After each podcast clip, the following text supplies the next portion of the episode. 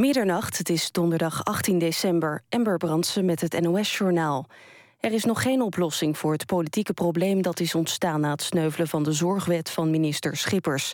Dat heeft PvdA-leider Samsom gezegd bij het binnengaan van het torentje. Daar is het overleg tussen de VVD en PvdA inmiddels geconcentreerd. Samsom en de ministers Ascher en Dijsselbloem zijn aangeschoven bij de VVD-top. Bij premier Rutte zijn VVD-fractievoorzitter Zijlstra, Tweede Kamerlid Dijkhoff en minister Schippers. Alhoewel er nog geen deal is, spreekt Samsom wel van constructieve gesprekken tussen de partijen. Er wordt nu al ruim 30 uur overlegd om een oplossing voor het politieke probleem rond de zorgwet van Schippers te vinden. Het herstel van de diplomatieke band tussen de VS en Cuba is volgens de Republikeinen een grote vergissing. Vanmiddag werd duidelijk dat de Verenigde Staten en Cuba hun diplomatieke relatie na ruim 50 jaar herstellen. De presidenten Obama en Castro hebben daarover afspraken gemaakt. De Republikeinen vinden het geen goede deal. Obama heeft volgens hen te veel weggegeven. De 25e editie van het Grootdicté der Nederlandse taal is gewonnen door student Randy van Halen uit Dordrecht. Hij maakte zeven fouten. De Belgische schrijver Christophe Vekeman was de beste prominent met elf fouten. De tweede plek was voor hoofdredacteur Björn Soenens van het VRT-journaal. Hij maakte twaalf fouten. Derde en beste bekende Nederlander werd NOS-weerman Peter Kuipers-Munneke. Het dicté werd dit jaar geschreven door Bart Chabot. De voetbaltopper tussen PSV en Feyenoord is door de Eindhovenaren gewonnen met 4-3. Diep in blessuretijd scoorde Memphis Depay het beslissende doelpunt. Koploper in eredivisie PSV heeft daardoor nu vier punten voorsprong op Ajax en 12 op Feyenoord. Het weer, het is bewolkt en zacht met minimaal vannacht rond de 9 graden. Eerst is het droog, later vannacht valt er vaker regen. Morgen is het opnieuw bewolkt met soms wat regen. Met 11 tot 14 graden is het erg zacht. Dit was het NOS Journaal. NPO Radio 1. VPRO. Nooit meer slapen.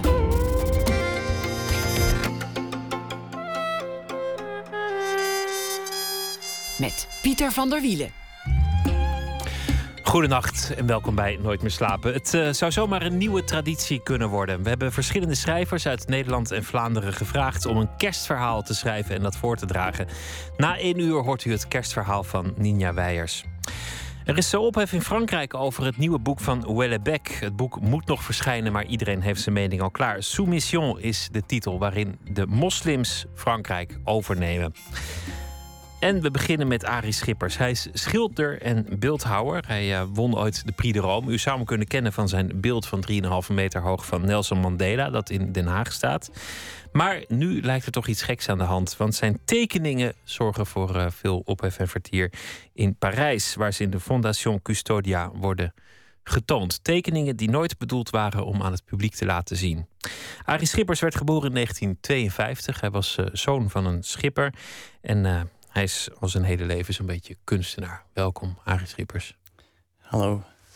Eigenlijk, eigenlijk is het wonderlijk. De meeste mensen in het vakgebied zeggen hij is goed. Het is een hele goede schilder, een hele goede beeldhouder.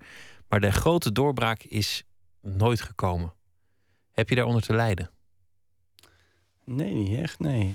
Uh, ja, ik weet niet. Je ziet wel vaak mensen die uh, te snel beroemd worden... dat ze een beetje gauw ook gaan leunen daarop hoor. En echt uitgerekt worden door uh, al die aandacht. En dan niet echt uh, lekker uh, meer in hun vel zitten. Bijvoorbeeld Pieter Doik. Die was ontzettend goed eerst. En hij werd toen heel beroemd. En is in de Cariben gaan wonen. Eigenlijk wat hij sindsdien maakt is toch wel slap vind ik hoor. Gebeurt wel vaker. Maar ja goed. Er zitten risico's aan succes natuurlijk, maar ik kan me ook voorstellen dat je op een zeker ogenblik, ik bedoel, je bent bezig sinds 1973 ongeveer, dat je op een gegeven moment miskend bent. Heb je, heb je daar ooit mm. last van gehad? Nee, nee, het ging zo geleidelijk dat ik daar geen moment aan gedacht heb eigenlijk. En iedereen die mijn werk kent, die uh, miskent me helemaal niet. Dus. Uh... Nee, maar dat is eigenlijk eh, waarom ik, waarom ik dit vraag de mensen die je werk kennen, en, en dat zijn heel veel ehm, kenners en, en deskundigen en, journalisten en critici, die zijn razend enthousiast. Maar die, die grote overzichtstentoonstelling, die is er eigenlijk nooit gekomen in Nederland. Nee, dat klopt. Maar dat zou nu wel eens een klein beetje kunnen gaan gebeuren. Het, het, de moeilijke punt is dat men werk nogal veelzijdig is en veel. eh, ja, het is moeilijk te begrijpen, al die verschillende takken. En het is moeilijk te plaatsen. Ik ben niet echt eh, bij de moderne, ik hoor niet echt bij de klassieken. Het eh, kost echt wel even werken voor iemand om erin te komen. Maar ik denk dat eh, iedereen die dat doet, die, die gaat er dan ook wel voor. Ja. Die, die gelooft er wel in. Ja. Maar vaak heeft het op iemands karakter een enorme invloed. Dat, dat de erkenning, dat de roem, het applaus nooit is gekomen. Als je weet dat je ergens heel erg goed in bent. Nou, ik heb wel veel applaus gehad, maar in- van hele kleine groepjes. Dat wel, ja. Maar de- ja, ik weet niet. Die, eh, die, nee, ik, ik, heb mij zit, je, zit er, gedaan. je zit er eigenlijk helemaal niet mee. Nee. Nee, niet echt, nee. Ik denk het niet. Eh, misschien dat dat onbewust eh, aan mij vreet, maar ik kan het me niet, eh, nee, ik kan niet vinden.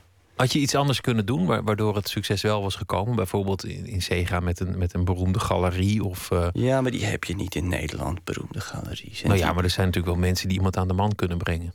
Ik denk het haast wel, ja. Dat moet haast wel, ja. Maar ik verander zo vaak van koers... dat dat niet makkelijk te volgen is. Een galerie is heel vaak... eh, eh, ja, wil een betrouwbare bron hebben... die altijd hetzelfde blijft pakken.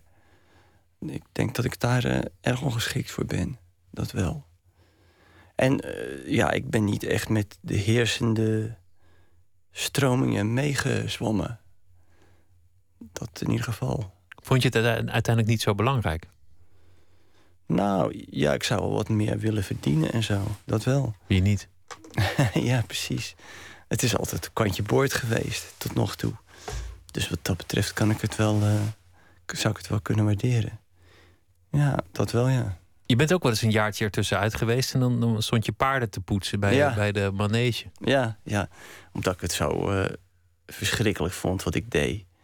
Ik kreeg ook een soort depressie, een burn-out of zo. En om er weer bovenop te komen ben ik toen paarden gaan poetsen. Omdat je het zo verschrikkelijk vond wat je deed, omdat je je eigen kunst niet meer leuk Ja, vond. ik vond het echt niks. Ik vond het verschrikkelijk. Ik kwam er niet uit.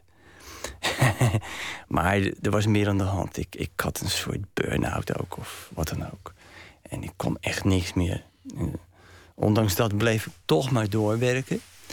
En eh, dat ging heel eh, ver. Ik bedoel, ik ging toen heel diep.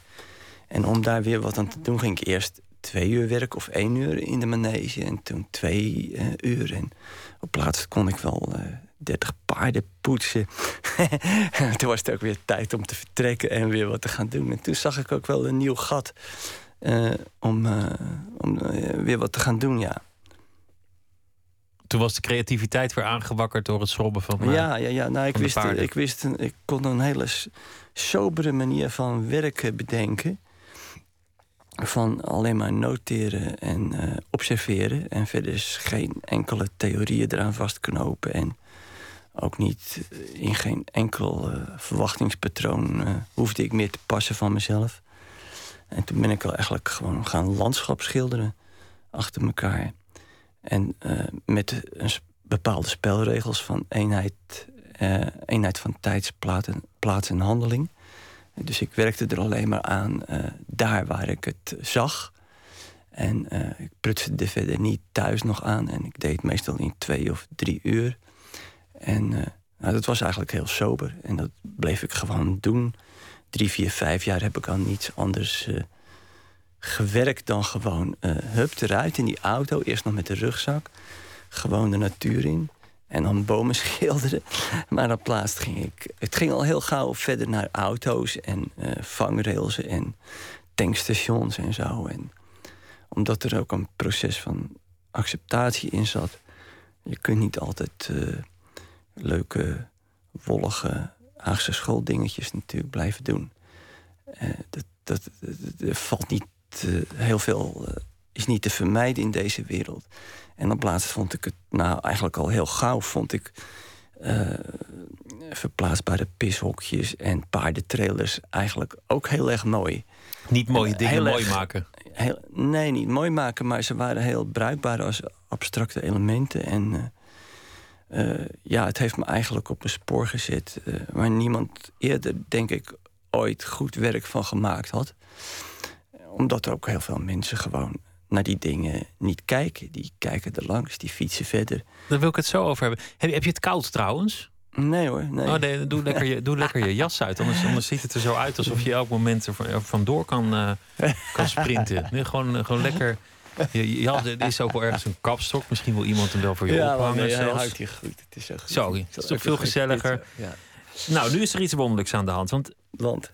die grote tentoonstelling die je uh, in Nederland eigenlijk wel verdiend had, is er nooit gekomen. Ach, Ondanks dat je de Prix de Rome had gehad. Jou ja. interesseert het eigenlijk helemaal niet zo heel veel. Ja, als het je interesseert maar me wel. Ik wil, ik wil hem wel hebben, ja.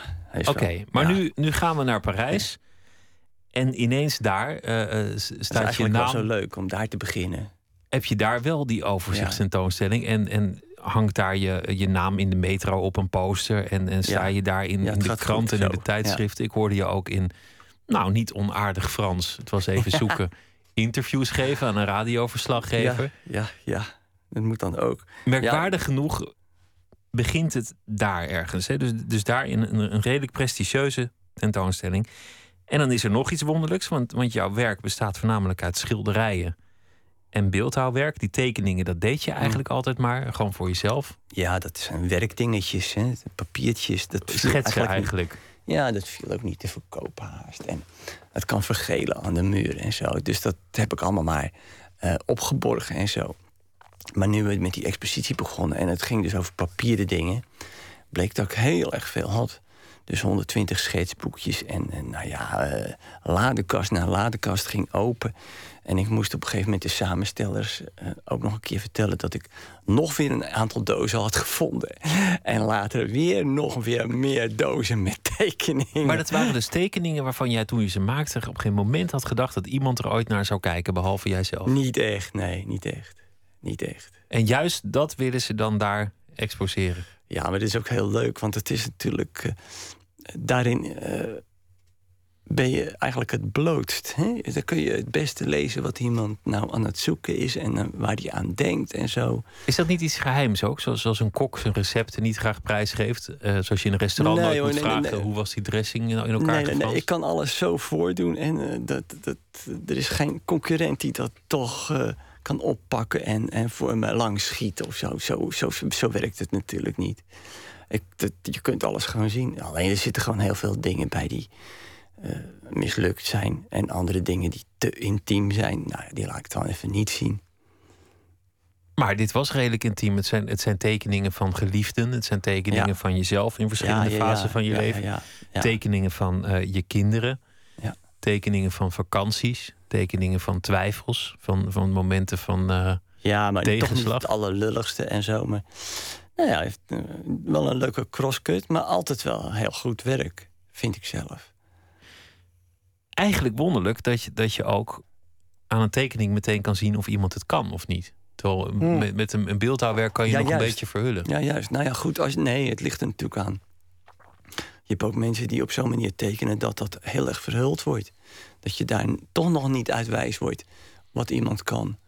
Maar ik teken heel eenvoudig eigenlijk, heel, eh, heel sober. En dan met één lijn eh, doe ik soms dingetjes. Meestal. Ja, en dan kun je goed eh, kijken naar wat.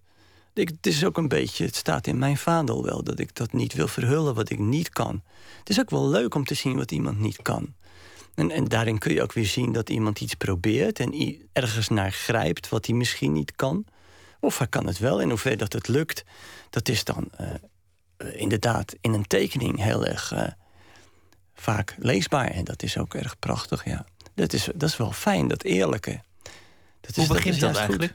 Want ehm, je, je zei net dat je, dat je met je auto langs plekken reed die eigenlijk niet aanspreken. Dus een, een container langs de Ja. snelweg of, of, een- of een. Of nou ja, zo'n zo'n LPG-tank eh, bij een benzinepomp. Of, of Ja, een, een boedelbak. ja, ja. Of een lelijk stukje van, een- van een duffe camping. Ja, En dan pak dat- jij je schetsboek. Hoe, hoe gaat dat in zijn werk? Nou, het gaat zo. eh, Als er bijvoorbeeld een blauwe eh koets, hoe heet zo'n ding? Zo'n coach. Zo'n zo'n waar toeristen uitkomen, weet je wel? Een touringcar. Ja, een touringcar. Als dat zo precies vierkant in het beeld valt, hè, dus eigenlijk als een kader binnen het kader, en dat dus de ruimte eromheen eigenlijk als een lijst gaat werken, en de touringcar dus eigenlijk zelf het schilderij is, met het design van de lettertjes erop en zo, ja, dat vind ik eigenlijk wel een heel erg leuk gegeven. Maar er zijn zoveel andere dingen. Ik heb een poosje uh, geschilderd reclames van auto's. En dan het liefst met geparkeerde reclames auto's eronder. En, en alsof die geparkeerde auto's bezig zijn met dat portret van hun autovriend te aanbidden of zo. dat, dat is leuk. Iets plats en iets plastisch er, erbij. Dat vond ik uh, interessant. Het bracht Waar, me op allerlei je, ideeën. Waarom trek je dat zo aan? Waarom niet juist een, een, een mooi landschap waar, waar, waar de natuur op zijn allerbest is? Ja, nee, dat is ook niet echt eerlijk. Dat kom je niet tegen. Dan moet je zo ontzettend ver weg trekken. Het is gewoon wat het is in Nederland. En dat is eigenlijk wel goed. De lelijkheid van Nederland is een deugd. Ja, het is niet zo lelijk. Maar je, je verbindt het meestal met uh, uh, uh, vervuiling en, en hoe wij naar de haaien gaan. En al, dat, dat dit geen echte lekkere leefomgeving is. Maar voor een schilder maakt dat geen donder uit. Ik vind het geweldig dat een hele afgetrapt ponyveldje naast een grote IKEA. Dat is een leuk contrast. Zo, zo zie ik dat dan. Ik vond het, ik vond het geestig in Parijs. Want ik ben gaan kijken van het weekend. En dat mensen eerst gingen kijken naar de topstukken. De Van Gogh met, met zijn mooie zonnebloemen. En daarna liepen ze dan nog even uh, naar de volgende zaal waar jij uh, tentoon werd gesteld. En, en dan zagen ze ineens inderdaad boedelbakken en, uh, en dat soort werk. Ja, nee, het, het, het, hoort erbij. Het is het toch. En wat je dan heel vaak terugkrijgt van mensen is van... God, daar ben ik altijd langs gefietst. En nu zie ik eigenlijk dat het wel leuk is. Het is eigenlijk heel goed. Wat kost dat? en uh, dat is toch wel... Uh, dat is de kleine bijval die ik dan wel geoogst heb. En, uh, Want je, je rijdt langs in je bus, dan pak je je schetsboek... dat leg je op je stuur... Ja, dat, dat is een mogelijkheid. ja. En dan schets je, uh, terwijl dat blok op je, op je stuur ligt. Dat lijkt me ook nog lastig, omdat je het dan omhoog moet houden met de andere hand. Dat ja, niet moet maar er is altijd wel iets lastigs ook aan, ja, aan naar de natuur werken. Want die, die mensen die lopen door, of die auto die rijdt weg en zo. Er komt een auto voor staan zelfs. En dat zijn dan wel Of je wordt verdacht van dingen natuurlijk. Ja, ik word ook wel eens weggestuurd. door een bedrijfsmedewerker die zeggen dat de klanten klagen. Dat er een man in een busje met een tekenblok zit. Ja, dat, dat soort dingen. Dat, het is ook nog een beetje gevaarlijk. Zeker, ik heb ook veel s'nachts gewerkt. En dan komt de politie hier eventjes kijken en zo. En uh, dat is, ja, dat is wel avontuurlijk ook. Dat wel, ja. Maar uh, en ook moeilijke dingen. De laatste tijd zit ik vaak bij een parkeerautomaat. En dan zie ik al die mensen worstelen met hun kaartjes en hun geld en zo. Terwijl ze dat erin proberen te proppen en er iets nuttigs uit kunnen krijgen. Wat ze dan in de auto kunnen leggen.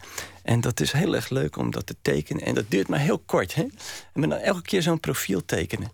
Dat is heel erg leuk. Dat, doe ik dan gewoon een poosje voor de oefening om weer wakker te worden of zo. Of mensen die hun boodschappen inpakken bij Ikea, dat je die beweging hebt van iemand ja, die... zo'n open klep is altijd leuk. Dan krijg je zo'n zwart, zwarte binnenkant en daar staan dan mensen in een geruit jasje voor en uh, met hun boodschapjes en zo. En dat is dan uh, wel leuk. Achteraf blijkt dat dan dus een beeld van deze tijd te zijn, maar dat, daar ben ik niet eens zo mee bezig geweest. Ik, ik vind dat gewoon. Uh, het is er is al zoveel beeld geschilderd en genomen in fotografie en zo. Uh, het is leuk als je een, een, een, aandachtsveld voor jezelf kunt creëren... waarin dingen die nog niet eerder opgepakt zijn door andere kunstenaars... Uh, dat je daar uh, echt iets zelf kunt ontdekken en kunt veroveren. Dus, en dat ben ik wel elke keer mee bezig. Proberen motieven te vinden die niet eerder aangepakt zijn. We gaan luisteren naar uh, muziek. 2014 zit er bijna op. We vragen uh, de luisteraars om hun greatest hits van het jaar in te sturen. Nooit meer slapen. Favoriete boeken, films, muziekvoorstellingen. Alles wat u uh, heeft meegemaakt, dat is bijgebleven op cultureel gebied. Een album van het afgelopen jaar, de London Sessions van Mary J. Blige. Het nummer heet When You're Gone.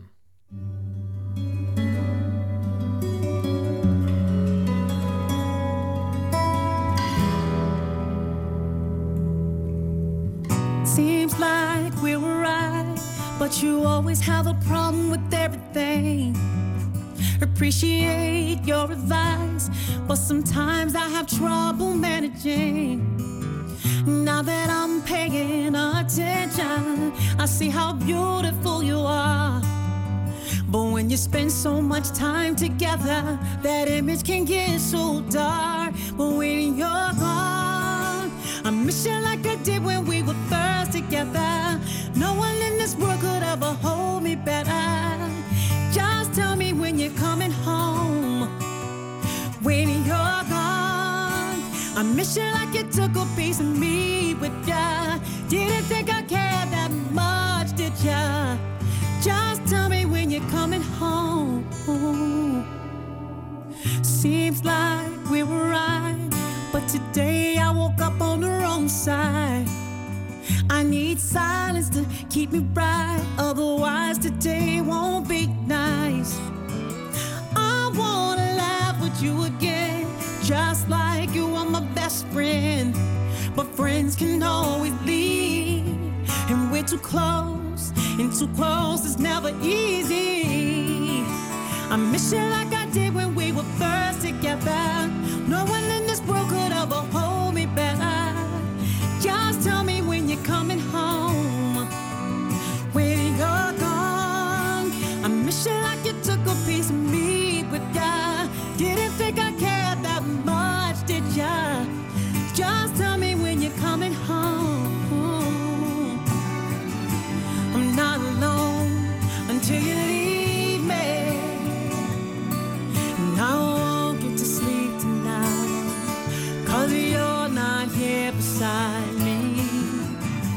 When you're away, it's never easy. You make it all right. I miss you. When you're gone, I miss you like I did when we were first together. No one in this world could ever hold me better. Just tell me when you're coming home.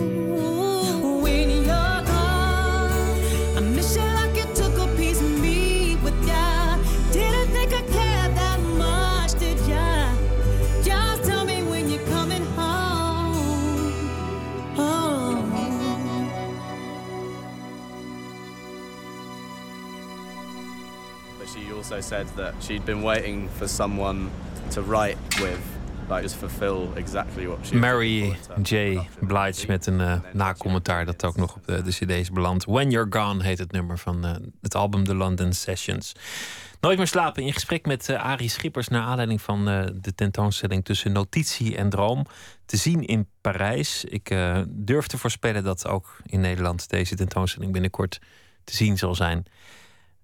Geboren in, uh, in de jaren 50, zoon van een schipper. Wat voor schipper was dat nou, eigenlijk? Een sleepbootkapitein. Een sleepbootkapitein. Ja, dat, is, uh, dat was nog eens wat. Ik mocht altijd mee en ik mocht ook achter het stuur. En dan gingen we zigzag over de Maas. Tot mijn vader ingreep en zo. Uh, toen was ik een jaar of vijf of zo. Dat gaat nog best hard, zo'n sleepboot, denk ik, als er niks ja, aanhangt. die kunnen heel, er zit heel veel kracht in, want die moeten zo'n grote boot kunnen bedwingen. Hè? Die, en hoe oud was jij dan, dat, dat je dat roer in je handen kreeg? Ja, vier geloof ik, of vijf. En, en later moest ik ook inparkeren met die boot en zo. Maar het trok me niet echt hoor. Ik vond het eigenlijk... Uh, het schippers bestaan niet? Ja, alles met boten en mannelijkheid en, en, en, uh, en ijzer en uh, technische dingen. Dat, dat, dat, is niet mijn ding eigenlijk. Boten en mannelijkheid, was dat ook de sfeer? Een, een sfeer van zware check en uh, Ja, er was inderdaad zware check en een, een, een, een dikke blauwe nevel in de huiskamer altijd, ja. Dat wel. en, dan, maar, en dan komt. Ja, mijn vader was hele, helemaal op uh, vliegtuigen en boten en zo. En ik had er niks mee. Ik moest dan wel altijd mee in het begin, natuurlijk, voordat ik uh, ontsnappen kon en zo. En uh, ja, teleurstelling voor hem natuurlijk, maar nog steeds. Ik, ik, zie het mooie er niet van af. Hè? Van, van, ook niet van die auto's die ik geschilderd heb. Het interesseert me helemaal geen bal. Dingen die uh, met motoren vooruitkomen. En, en, uh... Ja, ik vind het leuk dat het er is. En ik hou van uh, in een Mercedes zitten. Vooral op de achterbank. En hier naartoe worden gereden. Dat is hartstikke leuk natuurlijk. Maar ik heb wel eens geen... nee, niets met techniek. Helemaal niets. Maar dan, dan komt zo'n lief thuis en die vertelt in deze uh, blauw benevelde zware check mannen schippersomgeving. Ja, ja. Paps, mams, ik heb erover nagedacht. Ik, ik wil de kunst Ja, zo ongeveer, ja. ja, ja. Toen zei mijn vader, zijn eerste reactie was... Dan ga, ga dan maar bij de PTT werken. Met een grote zucht. En hij liep weg. Maar ja, ik moest natuurlijk toch naar die academie. En dat, uh, dat was de Rotterdamse Academie. Ik, uh, ik, was halverwege het jaar uit het Atheneum zesde klas gelopen. Omdat ik, uh, ik zou teruggezet worden. Omdat ik mijn best niet meer deed. En nou goed, toen ben ik naar de Rotterdamse Academie gegaan. En werd gelijk aangenomen. En, nou, daar poos rondgelopen. Dat was eigenlijk wel aardig. En ik leerde er wel iets van. Maar ik vond het toch niet zo goed. Toen ben ik gaan zoeken. Toen ben ik op vier andere academies aangenomen in die zomer. En toen koos ik voor de Rijksacademie. Dat was zogenaamd een postacademiale opleiding. Maar dat is echt heel klassiek. Dat, ja, dat, was heel klassiek, maar dat wilde ik ook. En al die, die mensen eigenlijk, die studenten in Rotterdam... Hadden ook, die wilden dan misschien niet weg naar een volgende academie... maar die hadden ook iets van verdomme... wanneer leren we nou eens anatomie en uh, al die dingen en zo. En uh, toen vertelde één leraar van me, die, nou, je moet naar de Rijksacademie. En inderdaad, daar was ik erg op mijn plaats. Vond ik erg fijn. Hoe was het eigenlijk in je hoofd ontstaan de gedachte dat je kunstenaar zou kunnen en willen worden? Want, want de stap van, het, van het roer van een sleepboot naar een penseel is volgens mij nog best groot. Ja, nee, uh, het, uh, er was niet veel van kunst in ons huis. Maar op mijn zevende kreeg ik een ingeving en dacht ik, ik word net zo goed als Rembrandt. ja, je moet ergens beginnen. Je moet ergens beginnen, ja. Dus dat was dan mijn idee. En dat werd eigenlijk alleen maar uh, versterkt. Dat ben ik eigenlijk wel blijven doen. En toen, ja, toen op de middelbare school had ik iets van... nou, misschien moet ik geschiedenis gaan studeren. Of, nou, noem maar Nederlands. Iets wat ik wel leuk vond en zo. Maar ja, ik kwam door die laatste klas Atheneum eigenlijk niet heen. En ik toen, misschien wel opportun, bedacht ik dat het eigenlijk toch wel helemaal niks voor mij was. Kromtrekken achter een desk en als mijn dingen opschrijven en boeken lezen. Zo. Wat ik mijn hele leven lang wel gedaan heb, maar eh, toch iets meer praktisch kunst. En ik tekende vanaf mijn vierde tekende ik. En eh, er werd altijd gezegd dat ik talent had. Ik dacht, nou, dat is het dan wel. En inderdaad, dat was het. En ik wist het ook eh, dus vanaf mijn zevende ook echt wel goed dat ik uh, op die manier wel uh, door moest gaan. Ja. Nou ja, als je door vier academies tegelijk wordt aangenomen en, en ook nog die, die, die Rijksacademie, dan geeft dat wel aan dat er, dat er iets goed gaat. Maar je vader die zei, ach, ga, word dan maar postbode. He, dat, ja, als precies, dan toch, ja, dat was een beetje zijn horizon waar, waar, je dan heen gaat. Is dat ooit nog tot ingekeer gekomen? Ja, dat, toch wel. Ik heb op een gegeven moment de Prix gewonnen en zo. En dat vonden ze natuurlijk allemaal wel aardig. Alhoewel, dat werd niet echt zo in blokletters gezegd. Maar dat, dat, dat is succes. Dat is een zeer grote eer als je die wint. En dat werd ook wel begrepen. Ja, dat werd wel begrepen. Ja, dat, dat ging er wel in. De enige keer dat ik hem echt heb zien smelten voor, voor mijn bezigheden... was toen ik zijn portret maakte. Toen was hij erg verguld, ja. Hoe oud was hij toen? Pah, hij is al een jaar of uh, 2, 63 of zo geweest zijn. Leeft hij nog? Nee, nee, nee, nee. nee. Bij ouders zijn dood, ja. Ja, dat gebeurt op een zeker ogenblik. Ja. Toen was je dus op een, op een zeker ogenblik tekenaar. Of althans kunstenaar, maar, maar meer beeldhouder, meer schilder nou, nee, ik ben als schilder begonnen en als schilder opgeleid. En daar heb ik ook de de voor gewonnen. En, en, toen ben ik uh, eraf gegaan in 78. Uh, afstuderen, dat is een groot woord, dat doe je daar niet. Want kunstenaar is eigenlijk dus iemand die uh, niet kan afstuderen. Dat zou ook flauw zijn. Ik heb ook nooit cijfers gekregen en al die dingen. En geen diploma's dus ook. En uh, in, ergens in 1984 liep ik toch echt wel vast. En toen moest ik mezelf opnieuw uitvinden. Toen ben ik gaan beeldhouden voor de lol een beetje. Maar dat bleek heel erg leuk. En uh, bleek ook heel erg makkelijk eigenlijk veel makkelijker als schilderen. En dan, blijf ik, dan sta ik nog wel achter. Ik vind het eigenlijk nog steeds makkelijker als schilderen. Schilderen is heel, heel moeilijk, vind ik. Maar goed, dat doe ik dus ook weer. En toch eigenlijk ook wel leuk, ja. En ook niet onverdienstelijk, want uh, er moest op een zeker ogenblik in 2011, geloof ik, een beeld komen uh, voor Nelson Mandela. Dat was uh, besloten in, in Den Haag. Drieënhalve meter lang, alsof de man niet lang genoeg was op een prominente plek met zijn blik naar het uh, Vredespaleis. Ja. ja. Daar werd jij voor gevraagd. Een, een zeer eervolle opdracht. Je mocht er ook heel lang mee bezig zijn. Ah, een beetje kort eigenlijk hoor. Ze wilden het in een jaar gedaan hebben. Ik heb geloof ik iets meer kunnen krijgen, maar ah, eigenlijk wel fijn ook. Maar ik had eigenlijk anderhalf jaar nodig gehad, of minstens anderhalf jaar. Maar goed, gelukkig zat er een deadline aan. Dan zou ik misschien nu nog mee bezig geweest. Dus het is wel uh, goed. Het staat er nu. En, uh, dat is eigenlijk kort, een jaar aan één beeld uh, werken. Nou, dat is voor binnen beeldhouwerskringen... is dat voor zo'n soort opdracht wel kort. Ja, heb ik gehoord. Want het is de eerste keer dat ik het deed. Zo'n opdracht, zo groot. En nou, het ging eigenlijk van een leien dakje, vind ik achteraf. Maar ik heb natuurlijk toen de tijd vaak gedacht: van god, waar ben ik mee bezig? Wat, wat, wat een ellende. Dit wordt. Uh, dit is uh, verschrikkelijk. Maar het is toch wel aardig geworden, ja.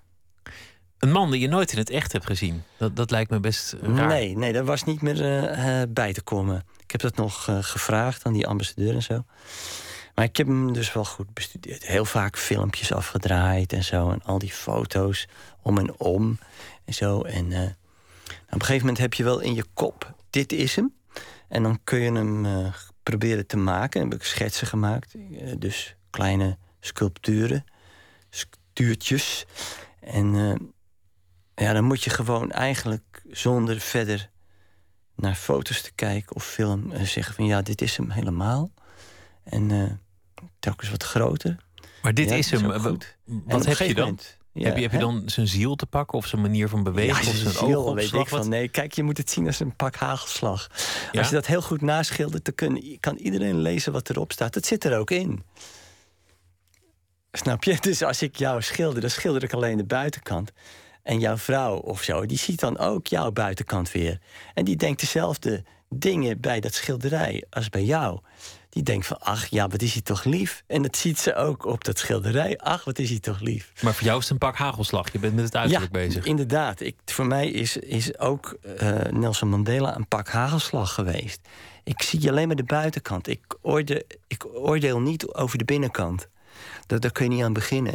En zeker niet zo gek dat ik ook nog wat ik mijn oordeel daarin probeer te leggen. Maar hij moest, het beeld moest gaan over dat moment dat hij die gevangenis uitloopt? Nee, nee, nee, nee, nee dat heb ik zelf verzonnen. Dat was jouw gedachte? Ja, ja, ja. En, en ook niet dat, precies dat moment. Nee, toch ook niet.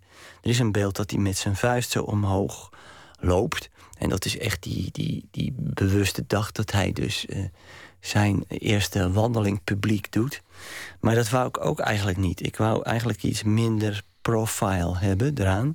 En geen vuist omhoog. Want het doet dan een heleboel andere beelden denken... waarbij dan een gebaar in de lucht gaat van wij zullen overwinnen en zo. Dat vond ik te dramatisch. En de man dus- is natuurlijk al een heilige. Ja, dat, is, dat was dus de laatst levende heilige. En uh, je hoeft er niet veel aan vast te plakken om, om uh, het helemaal duidelijk te maken wat het is. En toen dacht ik van, ja, lopen is eigenlijk wel leuk. En toen bedacht ik, god, die titel van, dat, van die autobiografie... Long Walk to Freedom, dat klopt allemaal wel goed. Dus uh, zo heet dat monument nu. En uh, nou ja, het is ook wel duidelijk, die, die man die heeft... Uh, dat is als een, als een loopgang. Hij is niet gaan versnellen, hij heeft niet getalmd. Hij, zijn uh, wandeling naar dat verwezenlijken van zijn idealen, dat is gewoon echt een hele uh, ja, steady movement geweest. En in die zin uh, zag ik dat wel als een parallel. En heeft hij, heeft rustig hij door blijft lopen. Heeft hij een bepaald loopje? Sleept ja, hij had hij met wel een degelijk een loopje, want hij had, geloof ik, een, een heup vernietigd daar zo op Robben Eiland. Dus hij liep een beetje raar en een beetje stijve schouder en zo. En, uh, nou, dat, dat, heb ik wel opgestudeerd. Ja. Op, de, op die lichaamshouding van Ja, hem. precies. Ja, dat moest wel kloppen, vind ik. Dat, is heel belangrijk. Dat, je, dat is sowieso altijd belangrijk als je mensen portretteert. En de opdracht was echt heel strikt. Een, een, een, een staand, gelijkend portret was, was de opdracht. Kon ook dus weinig kanten uit. Maar dat wandelen, dat, dat, de, de lichaamstaal, is echt uh, heel belangrijk. Uh, gelijkenis is ook heel belangrijk, maar eerst komt eigenlijk lichaamstaal als je zoiets doet. Dus, dus wat zegt hij als hij loopt? Loopt hij. Nou ja, als je hem iets te gebogen maakt, dan is het een, is het een verdrietige man. Maak je hem iets te rechtop, is het een arrogante man. Het is, het is zo subtiel. Je hoeft maar een heel klein beetje te veranderen. Uh, en het is weer niks. En dat, ik heb heel veel geprobeerd, ook in het portret zelf met de oogjes en zo.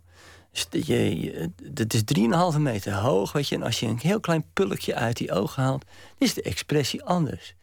Het is uh, heel erg klooien en overnieuw proberen en zo. En hij heeft natuurlijk ook nog een pak aan waar, waar hele boeken over worden volgeschreven. plooien is altijd ook erg een moeilijk verhaal. Man en, zo. pak en het jasje zit niet in goed. die plooien moet toch wel echt een scheenbeen voelbaar worden en een, en een, uh, een elleboog en zo. En uh, ja, schoudervullingen of niet, weet je, maar precies op de goede plek moet de nek eruit. Maar ja, dat zijn de technische dingen. Ben je hem gaan haten na een jaar? Nee, helemaal niet. Nee, nee. Ik bedoel, is hij je gaan tegenstaan omdat je de hele tijd maar tegen één persoon aankijkt? Nee, nee, nee. Het is een, een wonderlijk charismatische, maar ook enigmatische figuur. Ik kom er niet in. In een zekere zin. Ik weet niet wie dat is. Echt niet. Maar ik kan die buitenkant, die kan ik nou wel, die kan ik zo uh, voor elkaar toveren als je me beetje klei geeft, dan maak ik er gewoon weer een. maar het, dat dat grote ding zo goed gelukt is, dat is dood eenvoudig te wijten aan dat ik vertrouwen in mezelf heb. Dat ik gewoon altijd wel eruit kom.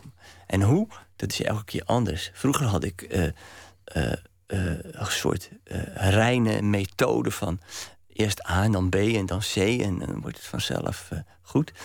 Maar dat heb ik niet meer. Ik, ik, ik kloot maar wat aan, echt. Het is uh, zoals Karel Appel het zegt. Ik weet niet hoe ik het doe, maar ik weet dat het goed wordt en ik ga er gewoon naartoe. En het lijkt wel alsof ik eromheen blijf lopen en het uh, niet klaarspeel.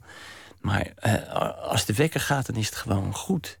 Er is een documentaire gemaakt over hoe dat beeld tot stand komt. En daarin viel op dat, dat het ook heel veel fases kent. Zoals je zegt, dat je, dat je eerst al die kleine portretten maakt en dan iets groter. En dan een, een soort ruwe versie in peurschuim. En dan moeten de losse delen weer in brons gegoten worden. En dan moet daar weer. Dat moet weer afgewerkt en dat moet dan weer in elkaar gezet worden. Ja, ja, dat is ook een wonder. Hoe die bronschieters dat kunnen, dat is, die, uh, dat, dat, dat, is dus een enorme goede bronsschieter, denk ik. Want het klopte wel toen het er weer uit, uh, toen het weer een geheel was. Want dat lijkt me heel eng dat je een model ja. hebt gemaakt met peurschuim en dan, dan ja. lever je dat af en dan krijg je het op een gegeven moment terug. En dan zit nou, er al... niet terug. Ik moest daar natuurlijk heen. Het was niet, niet tillen meer. En dan moet je zeggen, ja, het is goed zo. Of zeggen van, oh nee, dat, dat niet. Dat moet anders. Maar nee, ik was heel tevreden. En uh, nou, toen hebben we het helemaal groen gemaakt. Ik dacht, ik wil het groen hebben. en het, uh, dat stond niet. Ik zeg, nou, dat moet er weer af. En uh, ja, dan gaan ze gelijk weer aan het werk. En dan wordt het weer bruin. en dat was eigenlijk veel beter. Ja, het stom dat ik het eerst groen wilde hebben. Maar hele goede gieters, hele goede mensen die precies doen wat je zegt. En, en geen sokkel, dat vond ik ook opmerkelijk. Ja, maar je moet een primus inter pares van hem maken ergens. Het moet iemand zijn die onder de mensen staat. Maar als monument moet je ook hebben dat het uh, boven de anderen uitsteekt. Als er een massa mensen staat, moet je, wel, moet je weten waar het is. Dus dat moet ook weer. Hij is groot in een bepaalde zin, hè? Uh, spreekwoordelijk. Dus, uh, en monumentale, figuratief monumentale kunst moet je ook, moet je ook een bepaald niet één op één formaat maken. Anders wordt het heel saai en vervelend. En, dat, dat, dat, dat, uh, dat gaat niet. Je moet er dus iets mee doen. Nou, en mijn uh, oplossing was 3,5 meter groot. Ondanks dat ik toen niet wist waar het geplaatst zou worden. Maar het komt er wonder wel goed uit. Het staat daar lekker. En precies op de, op de stoep. Dus hij loopt gewoon tussen de mensen. Ja, ook al is ja, hij een reus. Dat, tussen, ja, maar tussen dat is passanten. ook mooi. Dat is ook fijn. En nu gaan het dus al die mensen gaan bij hem staan. En pakken dan die ene hand. Die een beetje vooruit swingt. En die, die glimt nu al hè, van het vele vastpakken. Dat is nou uh, leuk. Dat is een hele grote eer dat, een, dat dat beeld telkens daar wordt aangeraakt. Dat vind ik goed. Mensen willen ermee op de foto. Ja. Nog zo'n uh, plaats die kans zou maken voor de eindejaarslijsten van uh, 2014 uit Brooklyn.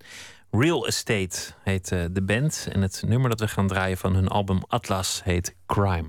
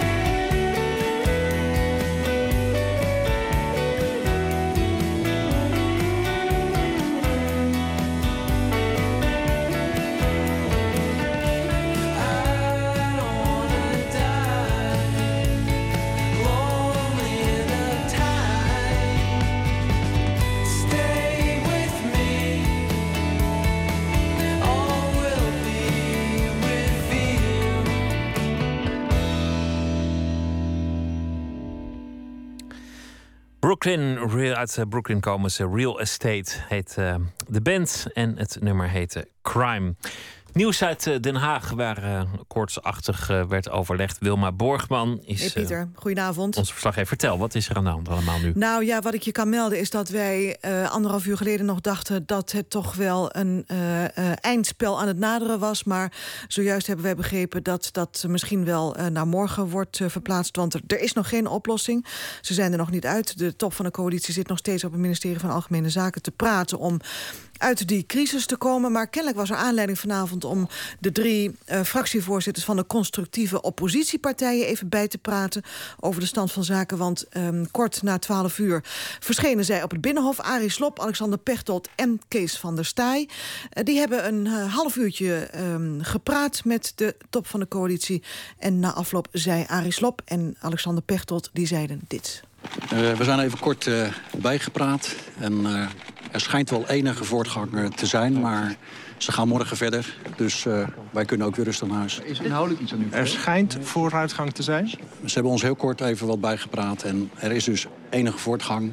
Uh, dus dat, we zagen enig optimisme in de ogen. Maar ze gaan morgen verder. En dan uh, zien wij ook wel weer verder. U weet, dus, u weet eigenlijk ook nog niks Ik heb in dat opzicht over u goed nieuws. U kunt lekker naar huis en naar bed. En, uh, maar u weet het ook eigenlijk nog helemaal niks? Nee, maar dit is wat ik u te melden heb. Maar lijkt Meneer Pechtold, wat hebt u te horen gekregen?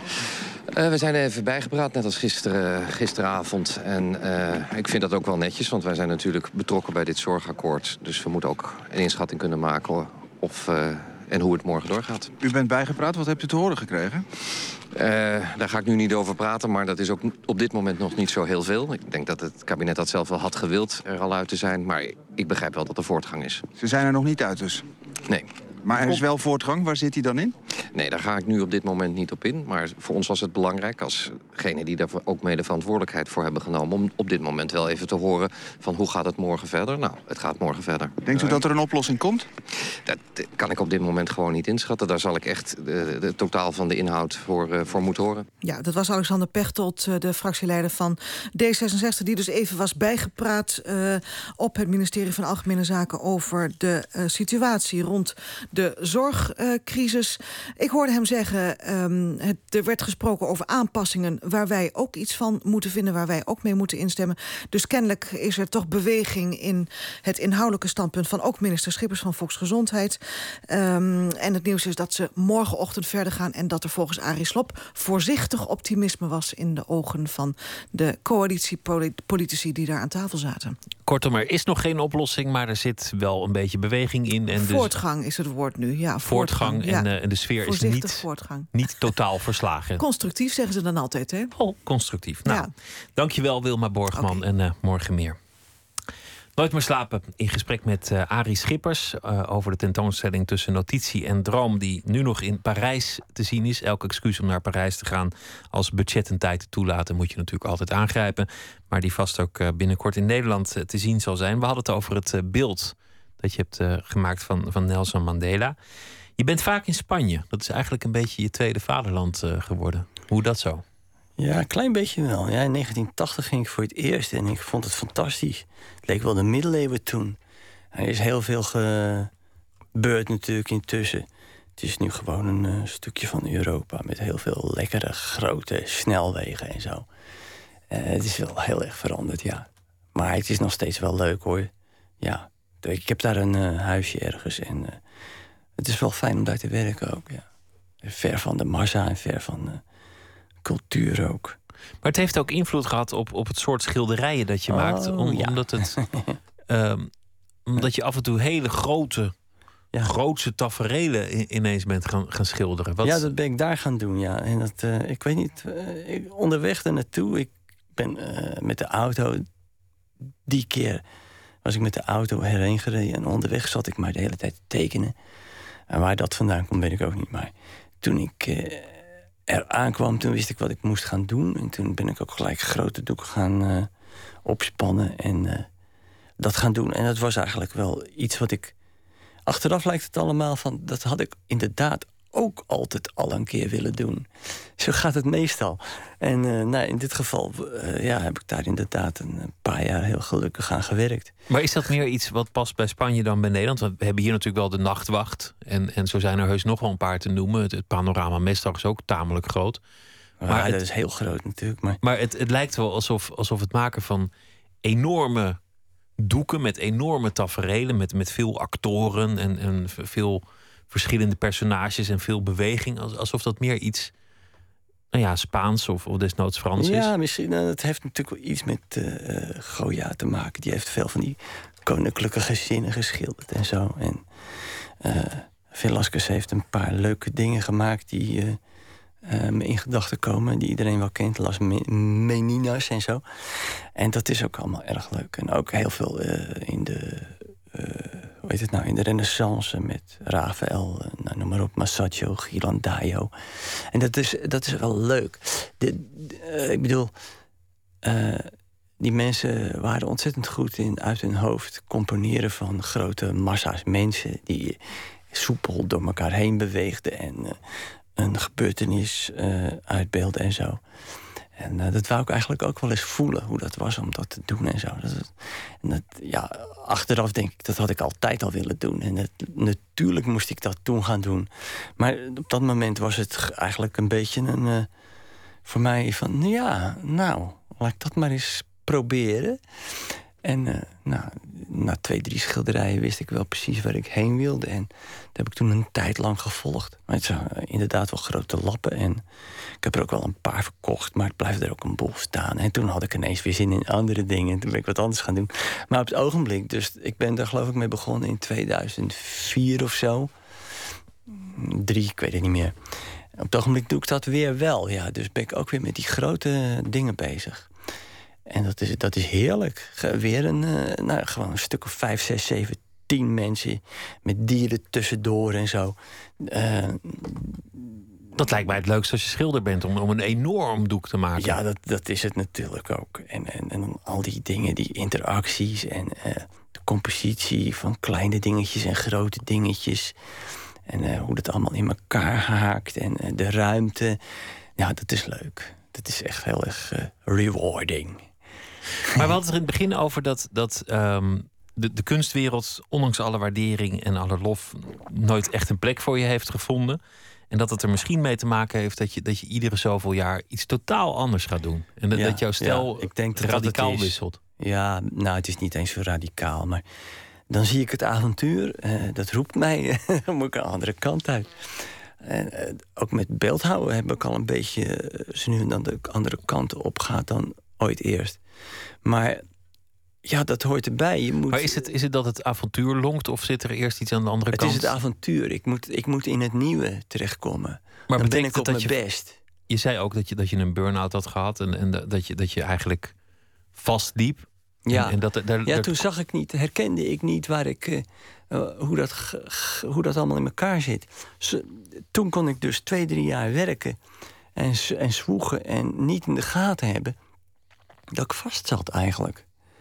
En later eh, kwam ik daar eerder achter en dan ging ik heel gelukkig een andere kant op. Maar hoe uitzicht dat als je, als je vastzit? Ben je nou chagrijnig? Nou, dan, blijf je braaf dezelfde dingen doen. En, maar het wordt telkens nog minder leuk om, om het te doen. En om, om het te hebben. Ik bedoel, een van de dingen is dat je kunst wil hebben. Dus je gaat het maken om te hebben. Om het zelf ook te hebben. Ja, precies, om het gewoon te hebben. Weet je, dat heb ik gemaakt. Dat heb ik. En het stapelt zich op. En dat is heel erg leuk. Maar op een gegeven moment, eh, eh, als je dat doet en je komt ermee thuis, je denkt, ja, dat is er gewoon weer een. Hè, zoals bij landschap. En nog één. Dan denk je, ja, shit, dit moet toch anders?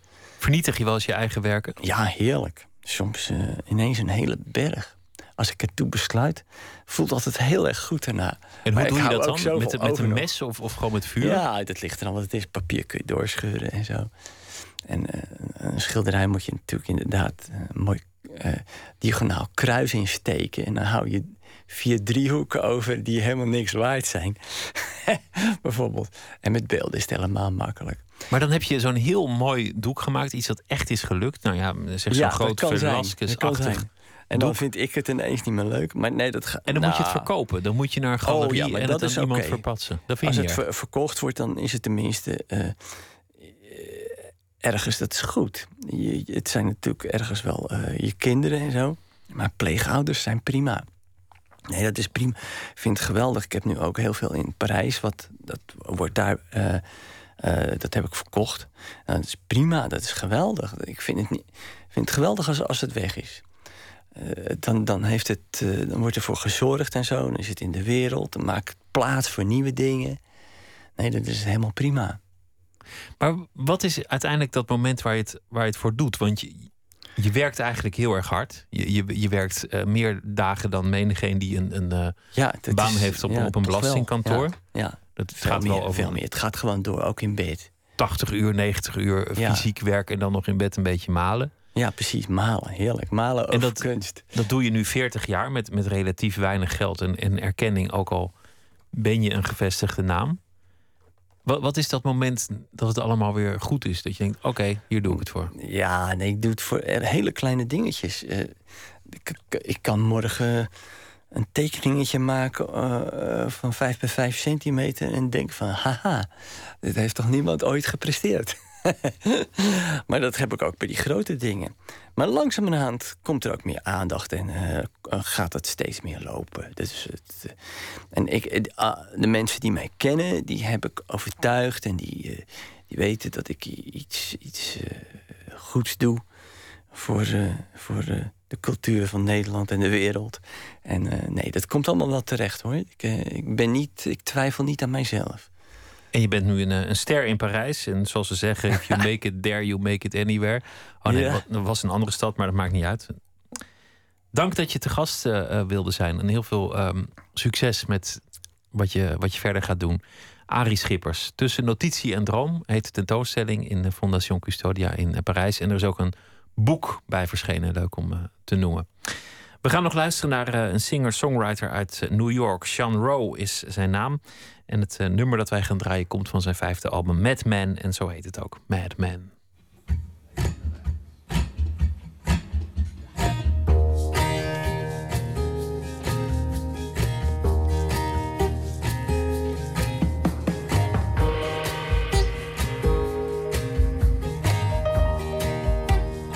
You can call me madman, but I'm spoken for. You can take my positions, leaves me an open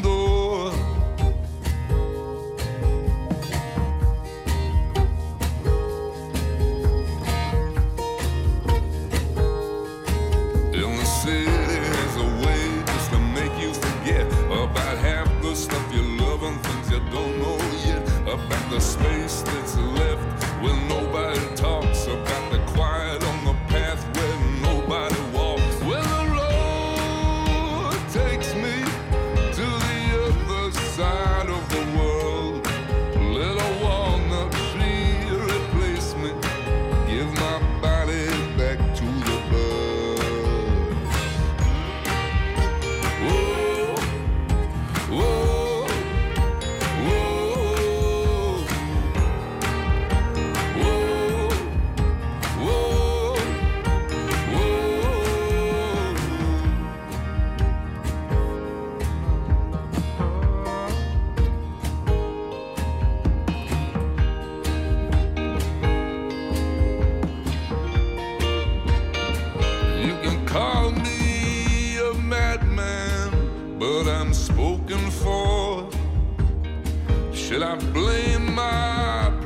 or should I bless the war?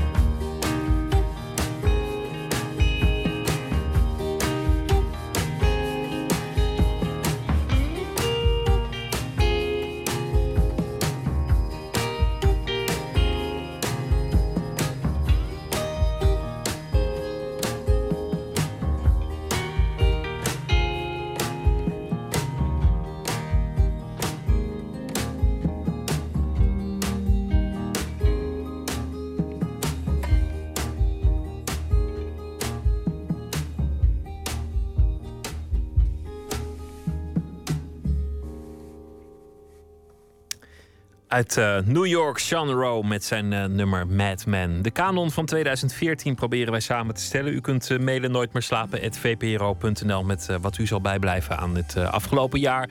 Aan films, boeken, muziek, um, nou ja, toneelvoorstellingen. Waar u maar bent geweest op cultureel gebied. Stuur het alsjeblieft op, want wij zullen dat meenemen in onze eindeloze stroom van eindejaarslijstjes. Die tijd van het jaar is ook weer aangebroken. Kerstverhalen. We hebben tien schrijvers uit Nederland en Vlaanderen gevraagd voor ons een kerstverhaal uh, te maken. En zometeen krijgt u het uh, resultaat van Ninja Weijers. Zij is uh, schrijfster. Zij debuteerde met De Consequenties. En kreeg daar buitengewoon goede recensies voor. En we gaan het hebben over Michel Wellebec. Want hij heeft een nieuw boek. Dat komt in januari uit. Maar menigeen is er nu alweer boos en verbolgen over. Dat allemaal zometeen via Twitter VPRO-NMS of via de mail nooitmeerslapen.vpro.nl.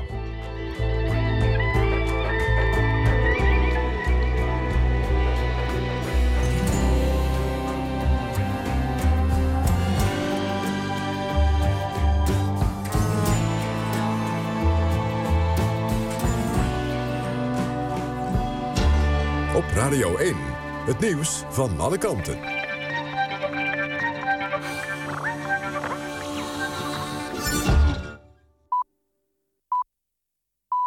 1 uur, Ember Brandsen met het NOS-journaal. Het overleg over het politieke conflict over de zorgwet gaat morgen verder. Dat is zojuist bekendgemaakt na beraad op het torentje. Daarbij waren toppolitici van de VVD en de PvdA... en ook de leiders van de zogenoemde constructieve oppositiepartijen... D66, ChristenUnie en SGP. D66-leider Pechtold zei bij het verlaten van het torentje dat er voortgang is. Arie Slop van de ChristenUnie zei dat de betrokkenen enig optimisme hebben gezien. Er is de hele dag overlegd over de problemen na het sneuvelen van de zorgwet gisteren in de Eerste Kamer. Drie senatoren van de PvdA stemden tegen. De omstreden film The Interview wordt niet op eerste kerstdag uitgebracht in de Verenigde Staten. Sony Pictures heeft de nationale première op 25 december afgelast. De film gaat over twee Amerikaanse journalisten die een moordaanslag op de Noord-Koreaanse leider Kim Jong-un willen plegen. Sony ziet af van de première nadat veel bioscoopketens hadden besloten om de film niet te vertonen. Hackers hadden eerder gedreigd aanslagen te plegen op de bioscopen die die interview zouden vertonen. Ook Noord-Korea is woedend over de film. De 25e editie van het Groot Dicté der Nederlandse Taal is gewonnen door student Randy van Halen uit Dordrecht. Hij maakte zeven fouten. De Belgische schrijver Christophe Vekeman was de beste prominent met elf fouten. Derde van de prominente en bekende, beste bekende Nederlander... werd NOS-weerman Peter Kuipers-Munneke. Dicté werd dit jaar geschreven door Bart Chabot. De voetbaltopper tussen PSV en Feyenoord is door de Eindhovenaren gewonnen met 4-3. Diep in blessuretijd scoorde Memphis Depay het beslissende doelpunt. Koploper in de eredivisie PSV heeft daardoor nu vier punten voorsprong op Ajax en 12 op Feyenoord. Het weer, het is bewolkt en zacht met minima vannacht rond de 9 graden. Af en toe valt er wat regen. Morgen bewolkt en regenachtig. Met 11 tot 14 graden wordt het opnieuw erg zacht. Dit was het NOS Journaal. NPO Radio 1. VPRO. Nooit meer slapen.